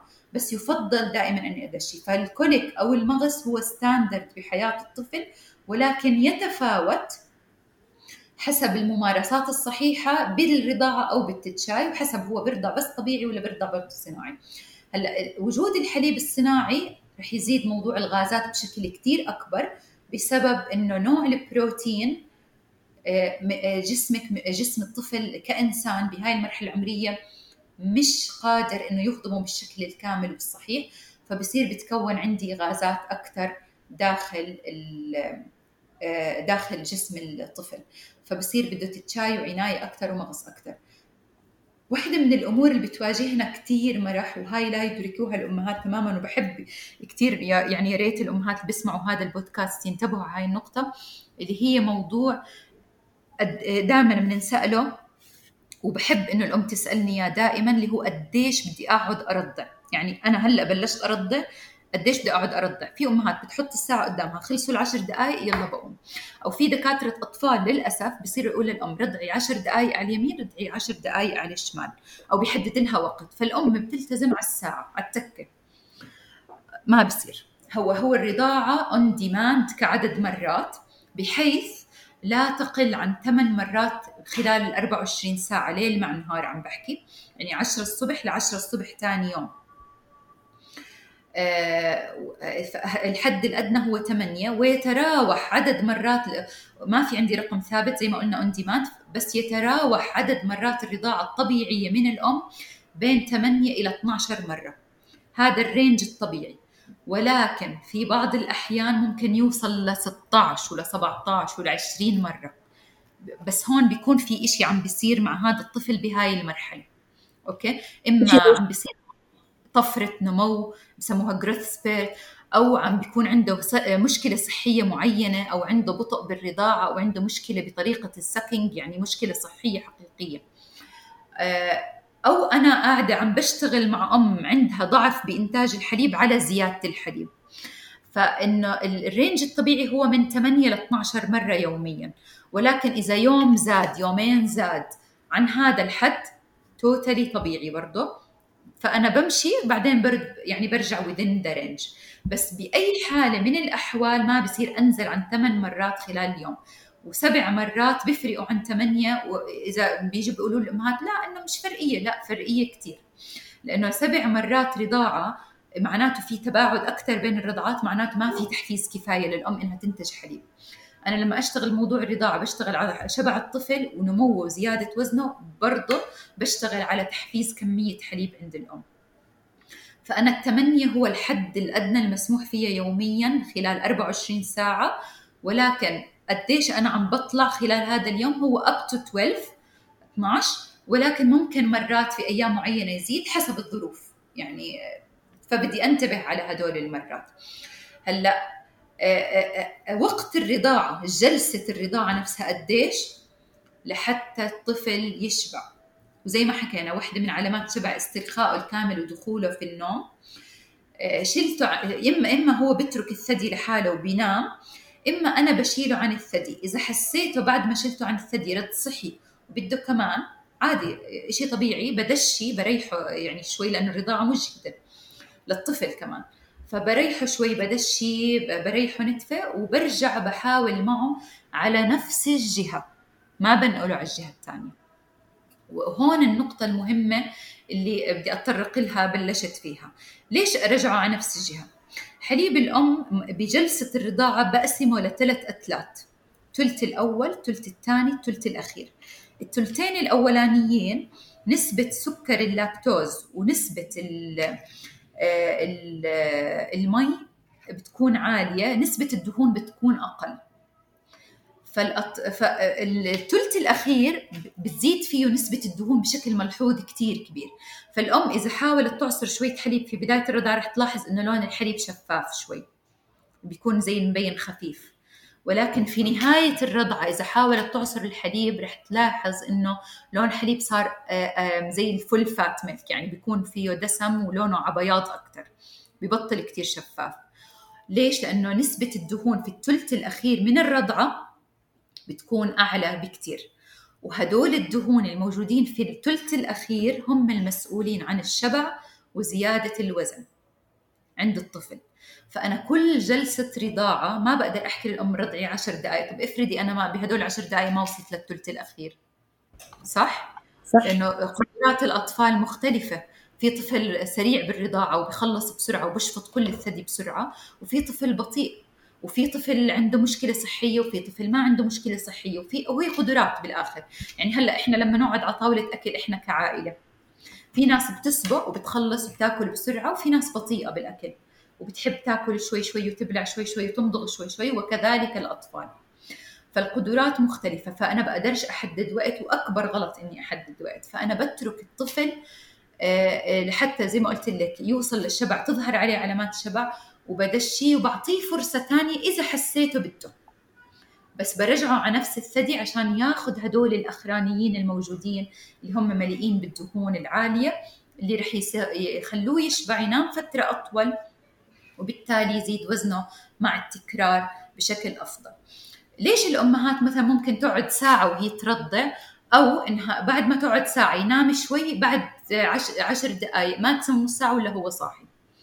ممكن التقام خاطئ ممكن آه، آه، تركته الثدي بسرعة ونقلته على الثدي الثاني فصفى ماخذ من هون سكر ومي سكر ومي دهون أقل فما وصل للدهون اللي شبعته. فرح يصحى بشكل مستمر أكثر آه، لأنه ولا مرة عم بوصل للدهون المشبعة. فالتكنيك الرضاعة بيساعد على نوم أفضل على زيادة وزن على نمو أفضل. فهي هاي الفكرة. يعني شوفي هي تركات كثير بسيطة تتدرب عليها الأم وبتدرب عليها طفلها بس بتساعدها بنجاح الرضاعة الطبيعية بشكل أحسن. حلو كثير طب كيف تعرف الأم إنها وصلت للثلث الأخير؟ هل من الصح إنها تقيم البيبي عن صدرها وتعصر تشوف إنه آه والله غمق لون الحليب فأخليه يرضع كمان خمس عشر دقايق. هيك بخليه ينام وأنا مرتاحة. يعني ممكن هاي الطريقة ولا في طريقة تانية. تمام. هلا عشان نحكي بشكل لأنه أمهات في جداد بيكونوا بشكل رئيسي هاي النقطة ما تنطبق أبدا على على الثلاث أيام الأولى بعد الولادة لأنه زي ما حكينا هو حليب لبا. وشو ما أخذ الطفل هو رح يشبع لأنه حليب اللبا أصلا أعلى شيء في نسبة الدهون. والعوامل النمو وعوامل المناعية فحليب اللبا لا ينطبق عليه هذا الكلام. يعني بترضع يمين بترضع شمال بتقيم يمين بتقيم شمال كله بزبط. فعشان وهذا على فكرة برضه يعني سبحان الله من رب العالمين للتسهيل على الأم في المرحلة الأولى اللي هو الثلاث أيام. اللي هي بتكون لسه مش فاضية إنها موضوع تكنيكات وقعد ومش عارف إيش. يعني فيعني هاي تسهيل للأم. فرضعت يمين رضعت شمال نقلت ردت رجعت كله زي بعضه كله حليب لبا وكله مشبع وكله كافي. آه، بالنسبة هذا الحكي ينطبق بعد ما يصير إدرار الحليب ونبلش نتحول للحليب الناضج. كيف الأم بدها تعرف إنه وصلت للثلث الأخير؟ أول إشي بتبلش تظهر علامات شبع عند الطفل يعني بلش يرتخي وجسمه ممكن هو يفلت لحاله. زي ما قلت لك إذا نام خلص معناته أخذ حاجته كامي كا كا يعني كاملة ونام. لأنه ما في طفل بينام على جوع. okay؟ إذا ما نام وبده كمان أنا بهاي المرحلة اللي هو اللي هو فلت بس ما نام بقدر أعصر وأشوف. يعني إنه في لسه فعشان هيك بحب أرجع على نفس الجهة. برضو من علامات إنه ثدي الأم أصلا بيكون معبي حليب وبترى يعني بتحس الأم إنه أنا هذا الثدي فضي بطل فيه حليب. هلأ ثدي الأم لا يمكن يفضى تماما تماما. يعني زيرو ما مستحيل. إلا ما يضل فيه شوية حليب. بس أنا بدي أحاول دائما وهذا يحافظ على صحة الثدي عند الأم. عشان يضل ينتج حليب أكثر وما تواجه لا مشاكل تسكير قنوات ولا التهابات ولا أي شيء دائما بدها تحاول الأم إنها تفضي الثدي تماما تماما. أب يعني طبعا قلنا zero مستحيل بس هي شعورها إنه ما ضل حليب. آه، قبل ما تفكر تنقل على الجهة الثانية. ف بمرحلة التدشاي أو تريح الطفل شوي ممكن تعصر. إذا لسه في حليب هذا اللي لونه أبيض كتير إذا الطفل بده يرضع أنا برجعه. ما بده يرضع آه، ممكن الأم شو تعمل؟ إما تستنى للرضعة القادمة لما يصحى الطفل وترجع ترجعه على نفس الجهة ياخذ هدول شوي اللي يضلوا بعدين تنقله لأنه هدول شوي بيضلوا على الباب يعني بيضلوا موجودين تحت. فأول ما يبلش يرجع الطفل يرضع المرة القادمة رح ياخذهم فهو رح يستفيد برضه. أو إذا ما بدها تستنى للمرة القادمة ممكن هي بجهاز أو بعصر يدوي تسحبهم وتحطهم للطفل بسرنجة بهدول كبس كاسات صغيرة زي البلاستيك زي اللي بيجوا مع الدواء تحطهم وتلائمهم للطفل أو بمعلقة أو بأي شيء بأي طريقة هي بتلاقيها مناسبة. فممكن ترجع تعطيهم للطفل بوقت آخر. بس أهم إشي إني أنا أسحبهم. هلأ ليش بدي أسحبهم؟ عشان الطفل يشبع ويزيد وزنه وينام فترة أطول ويصير في نمو على مع الاستمرارية. إضافة بحافظ على صحة الثدي لأنه تراكم الدهون هدول اللي بالحليب اللي بآخر الرضعة داخل الثدي يؤدي لتسكير القنوات. بالضبط بشبه دائما نفس موضوع كيف لا سمح الله الجلطات. هو عبارة عن تراكم دهون داخل الأوعية الدموية صح ولا لا؟ كوليسترول عالي دهون أعلى. مع التكرار وما في ما بنتبه على أكلي وما بلعب. يعني وفي طبعا عوامل وراثية. آه، تراكم الدهون داخل الأوعية الدموية مع الوقت بصير تراكم على الجدران جدران لحتى يسكر تماما. أوكي؟ فنفس. بال... بالقنوات الحليب الموجودة داخل ثدي الأم. رضع الطفل وما أخذ كل الدهون ضل شوية دهون قعدت بثدي الأم. هاي الدهون على فكرة عادية زي أي دهون مع بتتجمد. ما تسحبت تتجمد تتراكم ترجع. المرة اللي بعدها رضعت غلط ما كملت برضو تراكمت. وهكذا مع التكرار الخاطئ بصير تتراكم لحتى تسكر القنوات فبتلاحظ الأم فجأة إنه في كتلة ظهرت وسكرت قناة وصار في ألم شديد. وإن هون ببلش ندخل بإنه لازم أراجع حدا وأعالج هاي الأمور.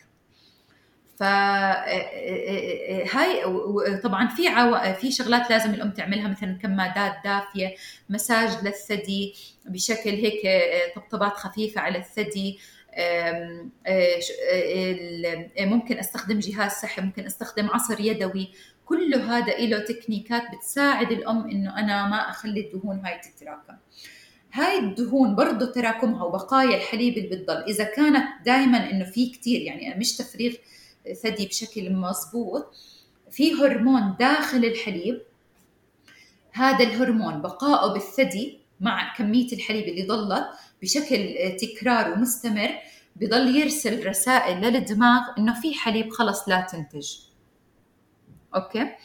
ف ف عشان هيك بدي دائما افرغ قدر الإمكان عشان أخفف قدر الإمكان من تركيز هذا الهرمون اللي هو أصلا موجود بالحليب.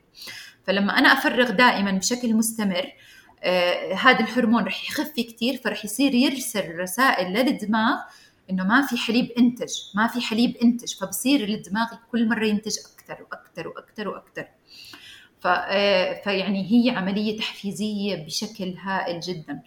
وهون يعني شوفي كيف كل المواضيع متعلقة ببعض. ما في إشي بقدر أحكي لك عنه منفصل بس اعملي هيك وخلص. لا لازم دائما أربط كل الأمور ببعض.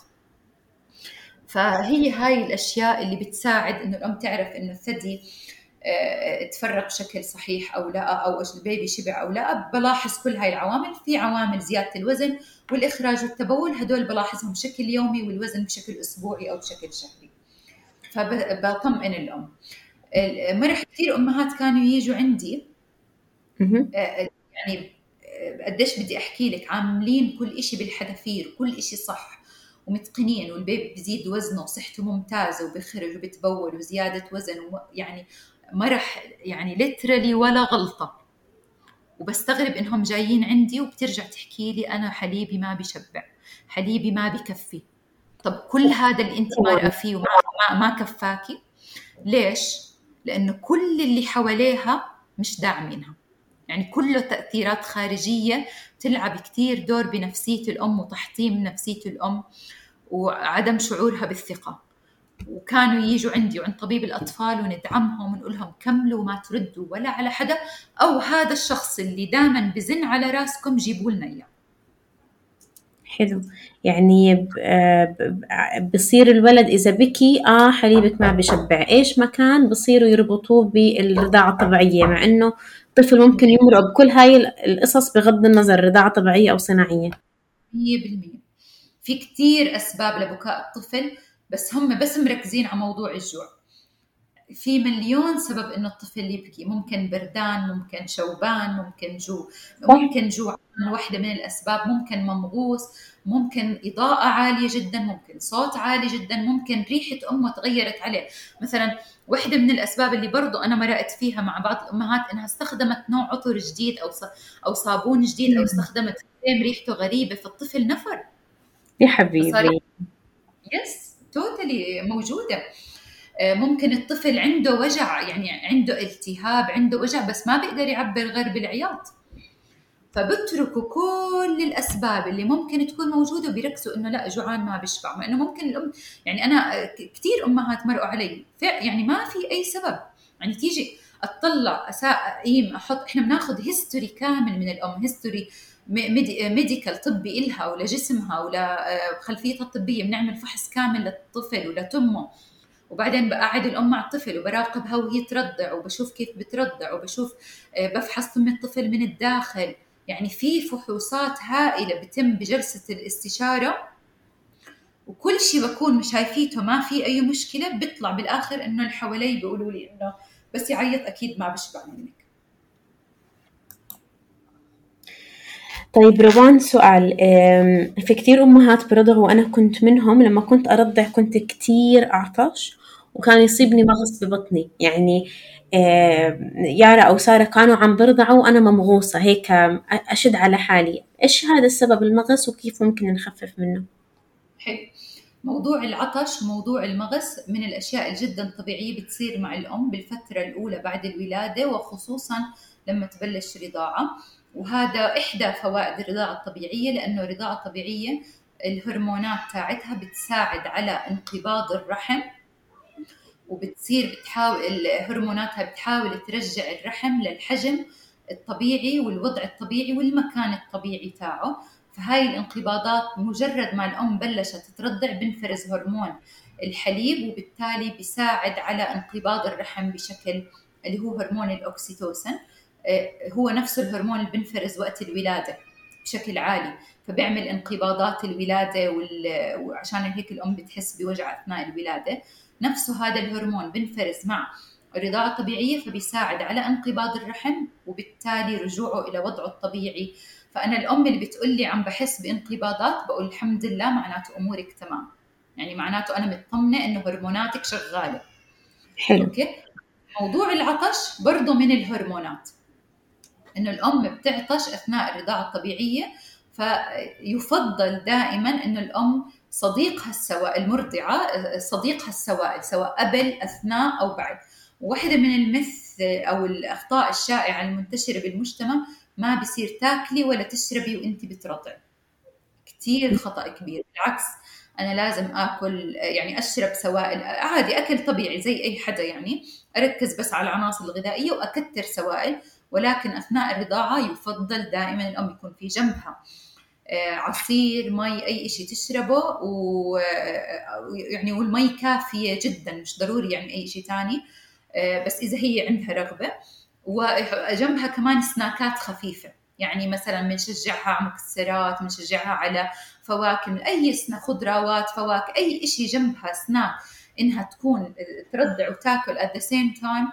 آه، من أحكي لك شو فوائد أول شيء فوائده إنها هي رح تجوع وتعطش أثناء الرضاعة. إضافة إلى أنه دائما الأم اللي عندها بيبي وبترضع دائما بتعاني من نقص الوقت. فهيك على القليلة لو جهزت هذا الصحن وحطته بمكان الرضاعة جنبها دائما بضمن انه الأم تهتم بتغذيتها. يعني هو وقت استراحة ووقت أكل. فيعني زي تنين بواحد. فبشجع الأمهات دائما إنهم يشربوا شيء أثناء طبعا أهم شيء ما نشرب شيء سخن أثناء الرضاعة. كثير من الأمهات بيستغربوا ليش هي من ناحية ال safety على الطفل. لأنه ممكن الطفل يعمل أي حركة فجائية فإذا الأم تشرب شيء سخن ينكب عليه. okay؟ صح. فهاي ناحية safety مش ناحية إنه موضوع تغذية لا هو ناحية safety بينما إذا بشرب مي عصير لو لا سمح الله عمل حركة وانكب عليه ما في خوف. طيب إيش في أغذية الأم ممكن تاخذها تساعد في إدرار الحليب؟ إنه آه تزيد إدرار الحليب. هل هو, هو أكيد by default مفيد الحليب بس ممكن كمان تزيد من فوائده خصوصا إذا في مغص. صح. هلأ الموضوع ال ال ال الأكل والتغذية والشرب آه، هو موضوع كثير أساسي ومهم بالرضاعة الطبيعية. آه، الأم لازم تهتم بتغذيتها وعناصر يعني نوعية الكواليتي الأكل أكثر الغذاء كأكل تأثيره على آه، كمية الحليب مش كثير كبير إلا طبعا في حالات المجاعات. يعني هون بصير في تأثير. ولكن في أم تأخذ الحد الأدنى من الوجبات الغذائية آه، أو السناكات أو شيء تمام ما بتأثر الحليب بكمية الأكل. ولكن بتأثر بكمية السوائل أكثر يعني أم تأكل بس ما بتشرب سوائل منيح بتأثر حليبها أكثر okay؟ فبهمني آه، إنه تركز على وجبات غذائية و snackات بيناتهم وتركز أكثر على كمية السوائل. وأنا بحكي إنه المي كافية واحدة من الأخطاء الشائعة إنه لا تشربي مي كثير حليبك بصير خفيف. ابدا ما له دخل. ابدا. ابدا ابدا. الحليب الأم بتصنع من الدم. ما مش أنت شربتي المي فدغري على الحليب. وفي هيك ناس بيعتقدوا يعني.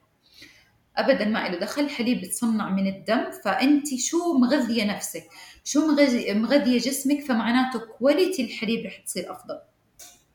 فعشان هيك هلأ في أغذية بتزيد كمية الحليب وفي أغذية بت بتزيد quality الحليب.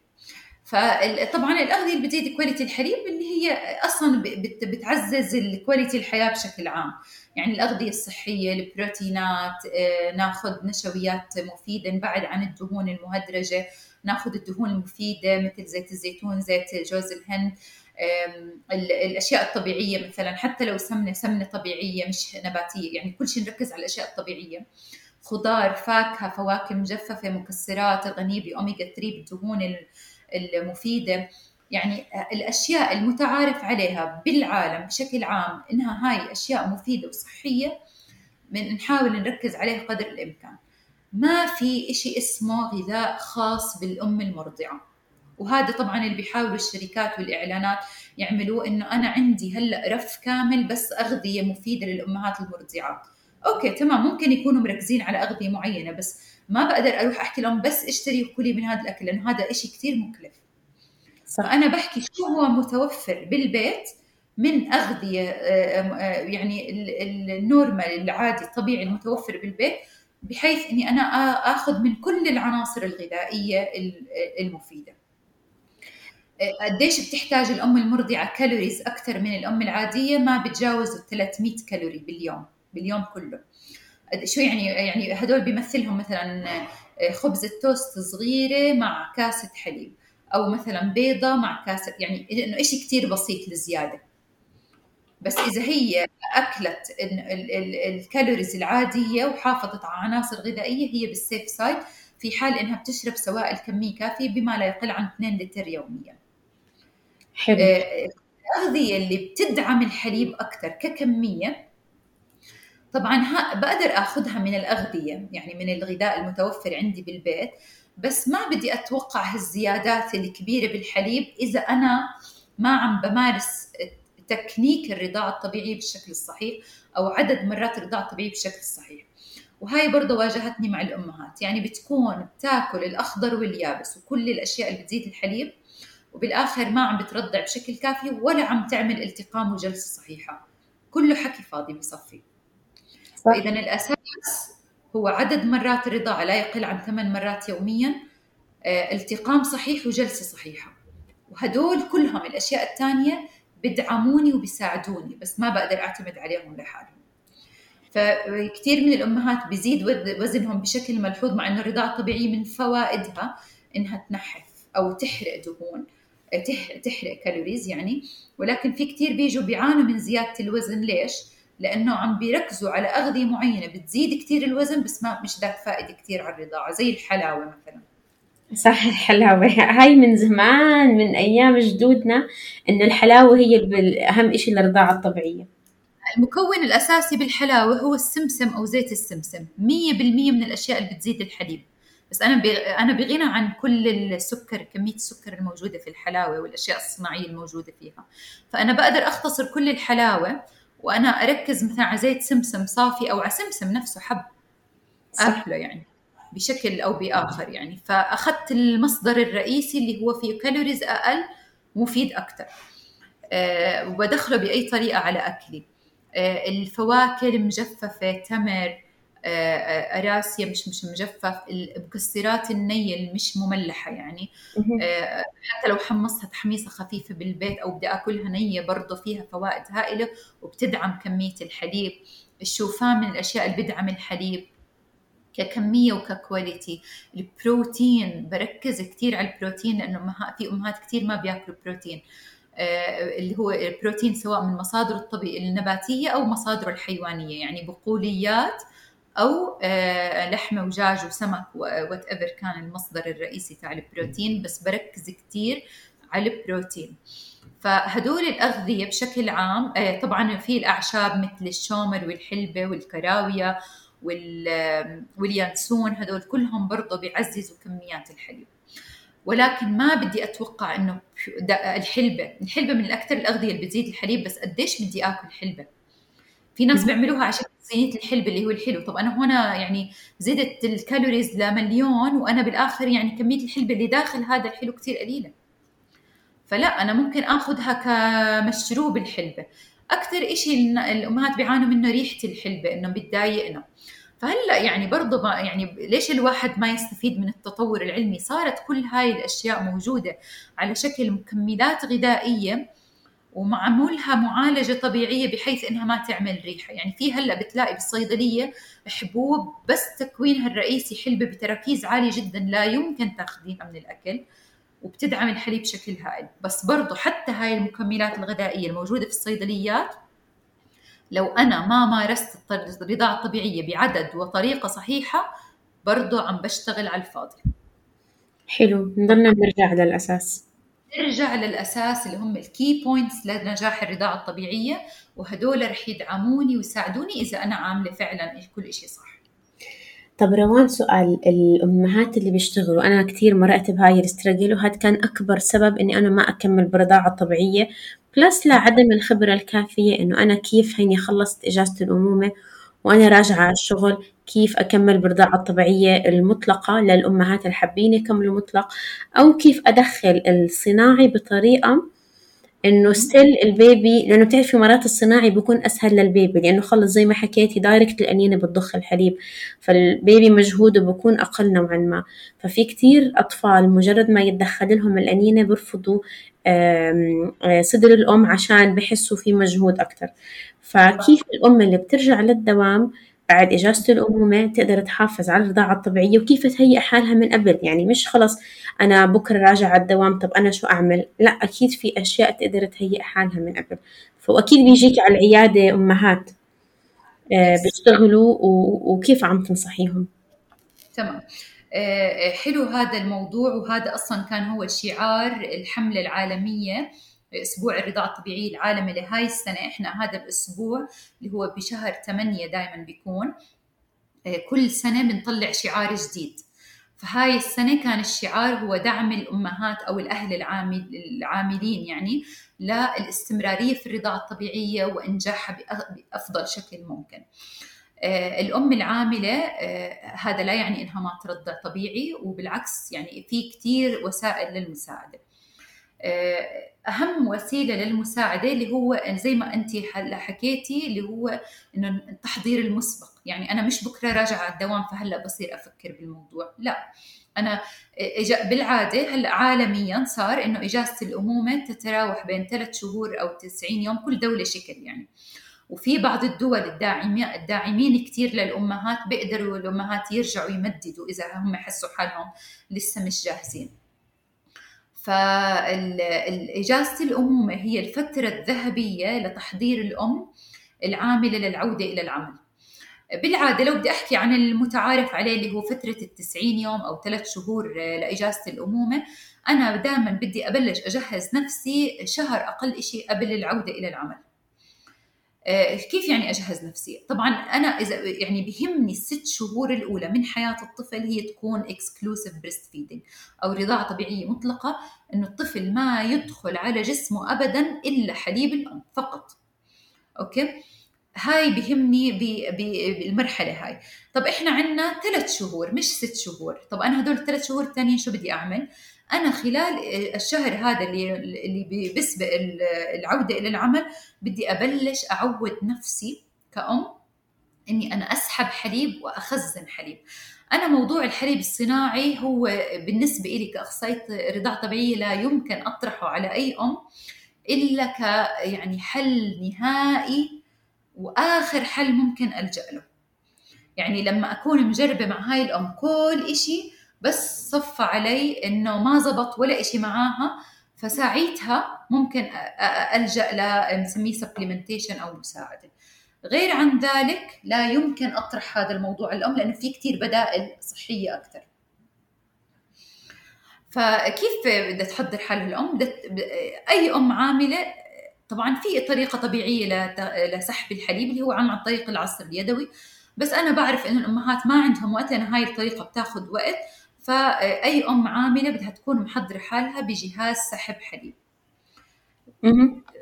وهذا الموضوع بحد ذاته لازم الأم تكون واعية عليه يعني بدها تختار الجهاز الصح اللي يتناسب مع عملها. إذا أنا عملي عدد ساعاته قليل ما في داعي أروح لجهاز كثير متطور ودبل يعني على الجهتين من الثدي يعني ممكن تكتفي بجهاز يدوي. لأنه عدد ساعات عمل قليلة فممكن الطفل بغيابي يحتاج رضعة أو رضعتين. فأنا بكون مجهزة حالي مسبقا وساحبيت له إياهم والأمور تمام. ولكن أم بتغيب فترات أطول والوقت عندها كتير مهم إنه بدها بريك تسحب فيه حليب أثناء العمل وبدها العملية تتم بسرعة فبنصحها تروح لجهاز متطور وسريع عشان توفر وقت وجهد على نفسها. فإذا الخطوة الأولى هي اختيار الجهاز الصحيح وإذا ما بنعرف نستشير الناس الصح. ثاني خطوة اللي هو أتدرب على استخدام الجهاز بطريقة صحيحة. يعني أنا اخترت الجهاز الصح هلأ بدي حدا يدربني أنه أستخدمه بطريقة صحيحة. من ناحية حجم القمع تاع الجهاز يتناسب مع حجم الثدي وفي الشركات كلهم عندهم أحجام مختلفة لأنه الثدي يختلف حجمه من أم لأخرى فما مش كل شيء رح يناسب كل حدا. هلأ في شيء ستاندرد بيناسب الأغلبية العظمى ولكن في أكبر وفي أصغر. كل حدا حسب حجم الثدي. وهذا برضه بيساعدني عليه الناس المختصين. كيف أنا بدي أتعلم أستخدم الجهاز بما يشبه طريقة آه، سحب الطفل للحليب؟ يعني بدي أحاول أقلد كيف الطفل بيعمل وأسحب بالجهاز طبعا الأجهزة الحديثة الإلكترونية مرات بتساعد بتعمل هذا الحكي لحالها. ولكن أنا بدي أطرح الخيارات حسب شو الأم اختارت جهاز وإضافة إلى أنه آه، بدي أتعلم الوقت المناسب. يعني أم بترضع رضاعة طبيعية مطلقة طب متى بدها تسحب حليب؟ فأنا بدي أختار الوقت المناسب لأني أنا أسحب الحليب. بحيث ما يتأثر الطفل ولا حاجات الطفل وبحيث إنه أنا كل حليب رح أسحبه رح أخزنه عشان أستخدمه لما أنا آجي أرجع آه، على العمل. الفترة هاي اللي هو الشهر قبل العودة إلى العمل أنا بدي آه، هي ليش شهر؟ عشان أتدرب على موضوع سحب الحليب وأنظم جدول ووقت إضافة إلى أنه قبل العودة إلى العمل تقريبا بعشر أيام بدي أبلش أخزن حليب. مش بس أسحب حليب وأتدرب بدي أكون أبلش كمان أسحب حليب وأخزن حليب. طبعا هذا إذا الأم رح تفكر طب أنا شو بدي ضل حليب لابني؟ كل ما أنا بيبي رضع وسحبت حليبي رح يزيد أكثر لأنه عملية تحفيزية. فرح يصير يكفي للطفل نفسه وللتخزين.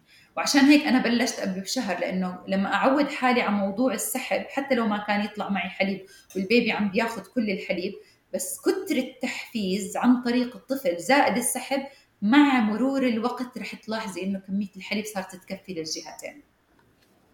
حلو. هو مش زر. فإذا أنا بلشت بالشهر عشان أتدرب وأحفز جسمي على الحاجات الجديدة. إضافة إلى أنه بعد قبل بعشر أيام من العودة للعمل بيكون جسمي صار صار له تقريبا أسبوعين أو ثلاثة. تعود على التحفيز الجديد فزادت الكمية. وبلشت أحس إنه في معي حليب بلش يتخزن. ما راح ألاحظ إنه كميات كبيرة في البداية بس مع الوقت هاي الكميات راح تزيد. ثاني آه، شيء بدرب عليه الأم اللي هو كيفية تخزين الحليب بالشكل الصحيح بحيث إنه هذا الحليب يكون يضل معقم وما يتلوث وأحافظ عليه لأطول فترة ممكنة.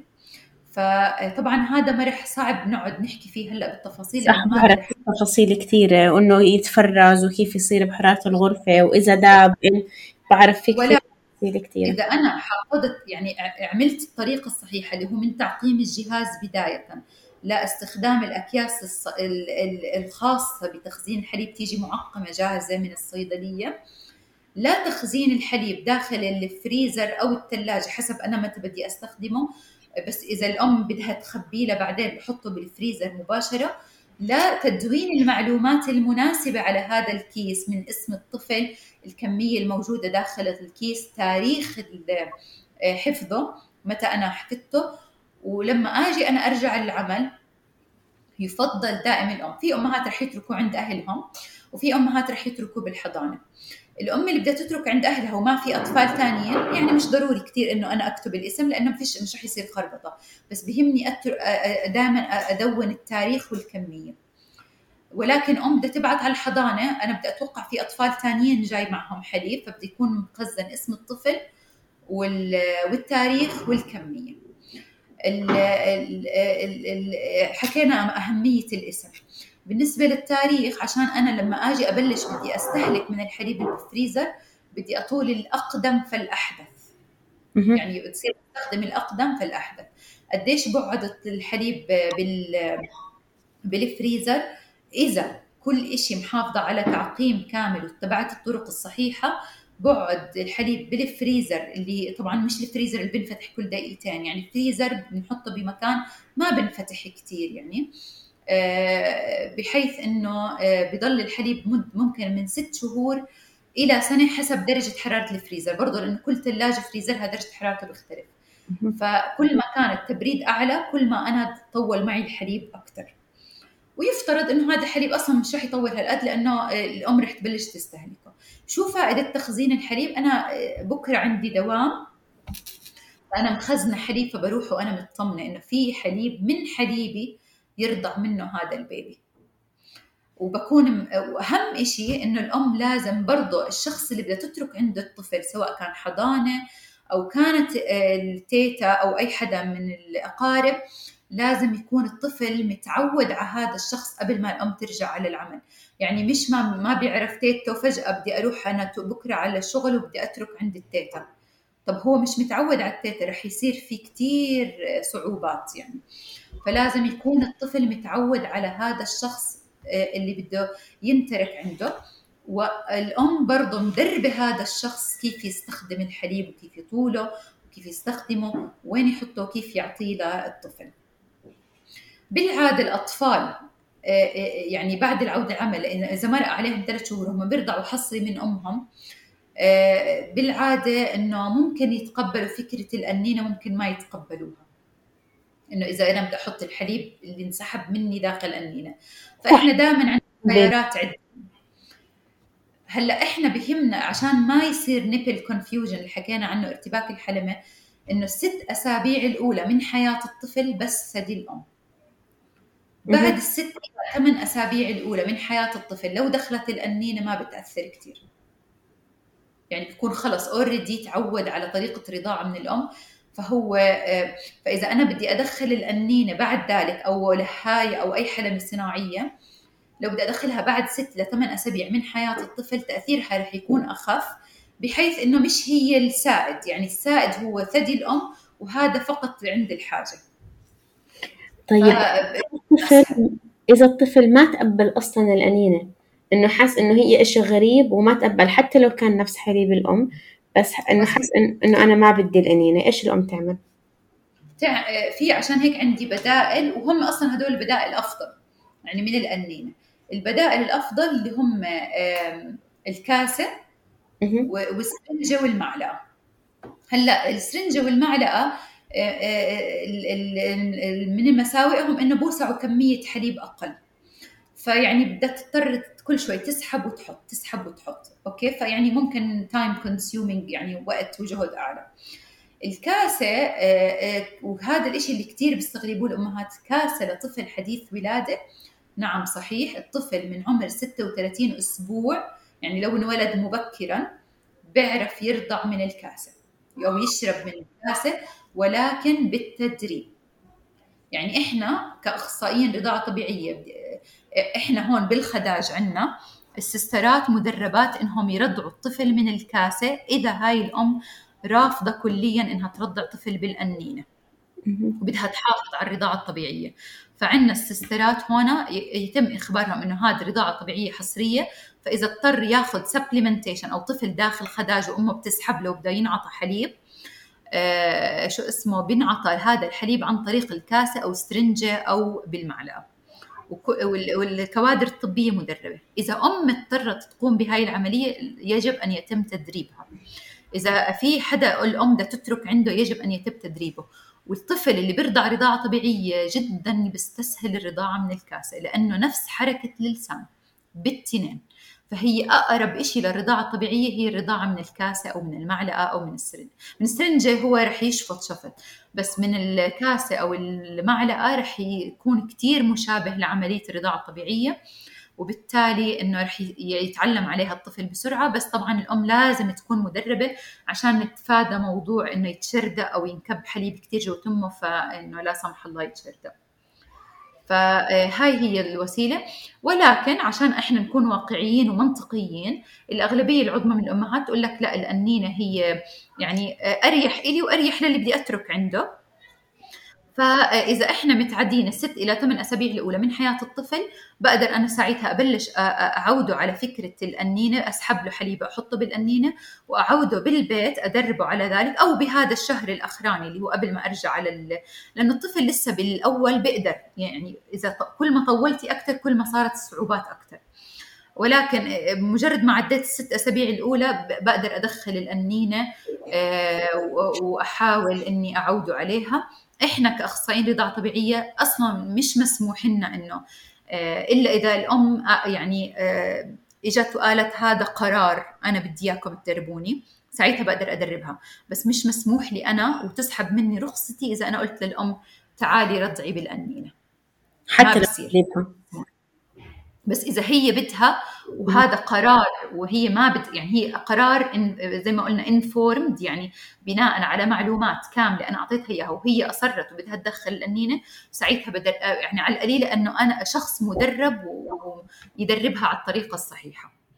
ولكن هذا لا يمكن أنا أقترحه على الأم. لا يمكن. روان صراحة كتير معلومات مفيدة ومعلومات حلوة ويعني صار لنا فترة عم نسجل بس ما حسيت بالوقت قديش ما كان الحديث ممتع. أنا بدي أشكرك كتير آه على المعلومات القيمة آه وحبيت إنه دايما كنتي referring لموقف صار مع أم عندك بالعيادة وأنا متأكدة إنه يمكن الدراسة إشي بس التطبيق إشي تاني. تطبيق من ناحيتين من ناحية إنك أنت أم وعشتي كل التجارب هاي مع أولادك. ومن ناحية إنه أنت آه، عم عم تكوني مستشارة لأمهات على أرض الواقع وعم بتمر عليكي cases مختلفة. بدي أشكرك من قلبي روان. عن جد شكرا كتير لكل هاي المعلومات. آه، روان عندها آه، صفحة على الإنستغرام سكن تو سكن راح أحط رابطها بالحلقة عشان تعملوا لها follow كتير بتنزل أشياء ممكن تساعدكم على الرضاعة. وإذا عندكم أي استشارات إذا كنتوا ساكنين بالأردن بمدينة إربد تحديدا بتقدروا تاخدوا معها موعد. و... وما بعرف روان انت بتقدمي استشارات اونلاين ولا لسه ما ما بس بالعيادة؟ آه، هلأ آه، مبدئيا إحنا لأ استشارات بنحب يعني face to face الأم تزورنا لأنه زي ما قلت لك في فحوصات كثير بنشوفها على أرض الواقع. إحنا اضطرينا نعمل استشارات اونلاين لما كانت الكورونا فيعني هذا ظرف استثنائي. آه، وكنا مرات نضطر نفتح فيديو مع الأم عشان نشوف أشياء على أرض الواقع ولكن مجرد ما رجعت الأمور إلى الوضع الطبيعي لا أكيد بحب الأم تزورني عشان أكشف على آه، يعني واقعيا على وفي فحوصات زي ما قلت لك لثدي الأم لتم الطفل. كثير صعب إنك تشوفيها يعني اونلاين في بعض الأمور ممكن تنحل اونلاين ولكن مش كلها. إذا أنا حسيت إنه هذا الموضوع لازم أشوف الأم فدغري بقولها لا تفضلي زوريني بالعيادة. آه، أنا مرح برضو أنا كثير بدي أشكرك على آه، هاي الفرصة الحلوة البودكاست تاعك. أنا من أشد المتابعين له وسمعتهم كلهم ومن الناس اللي كثير استفادوا. ودائما الواحد لو يضل طول عمره يتعلم دائما رح يتعلم كل يوم معلومة جديدة. فبرضه شكرا لك على كل المعلومات اللي دائما بتفيدينا فيها. وشكرا على هاي الفرصة التوعوية. آه، سواء كان بدولة الإمارات أو بدولة الأردن وأنا بحكي أنا موجودة في إربد ولكن الحمد لله رب العالمين صار هلأ كثير في مستشارات رضاعة طبيعية موجودين في الأردن سواء بإربد بمحافظة العاصمة عمان أو حتى بالمحافظات الفرعية. ويعني هاي نعمة من رب العالمين وإنه صارت الأمور إن شاء الله إنها أسهل على الأمهات. شكرا كثير مرح على هاي الفرصة وكثير انبسطت بهذا البودكاست. شكرا روان.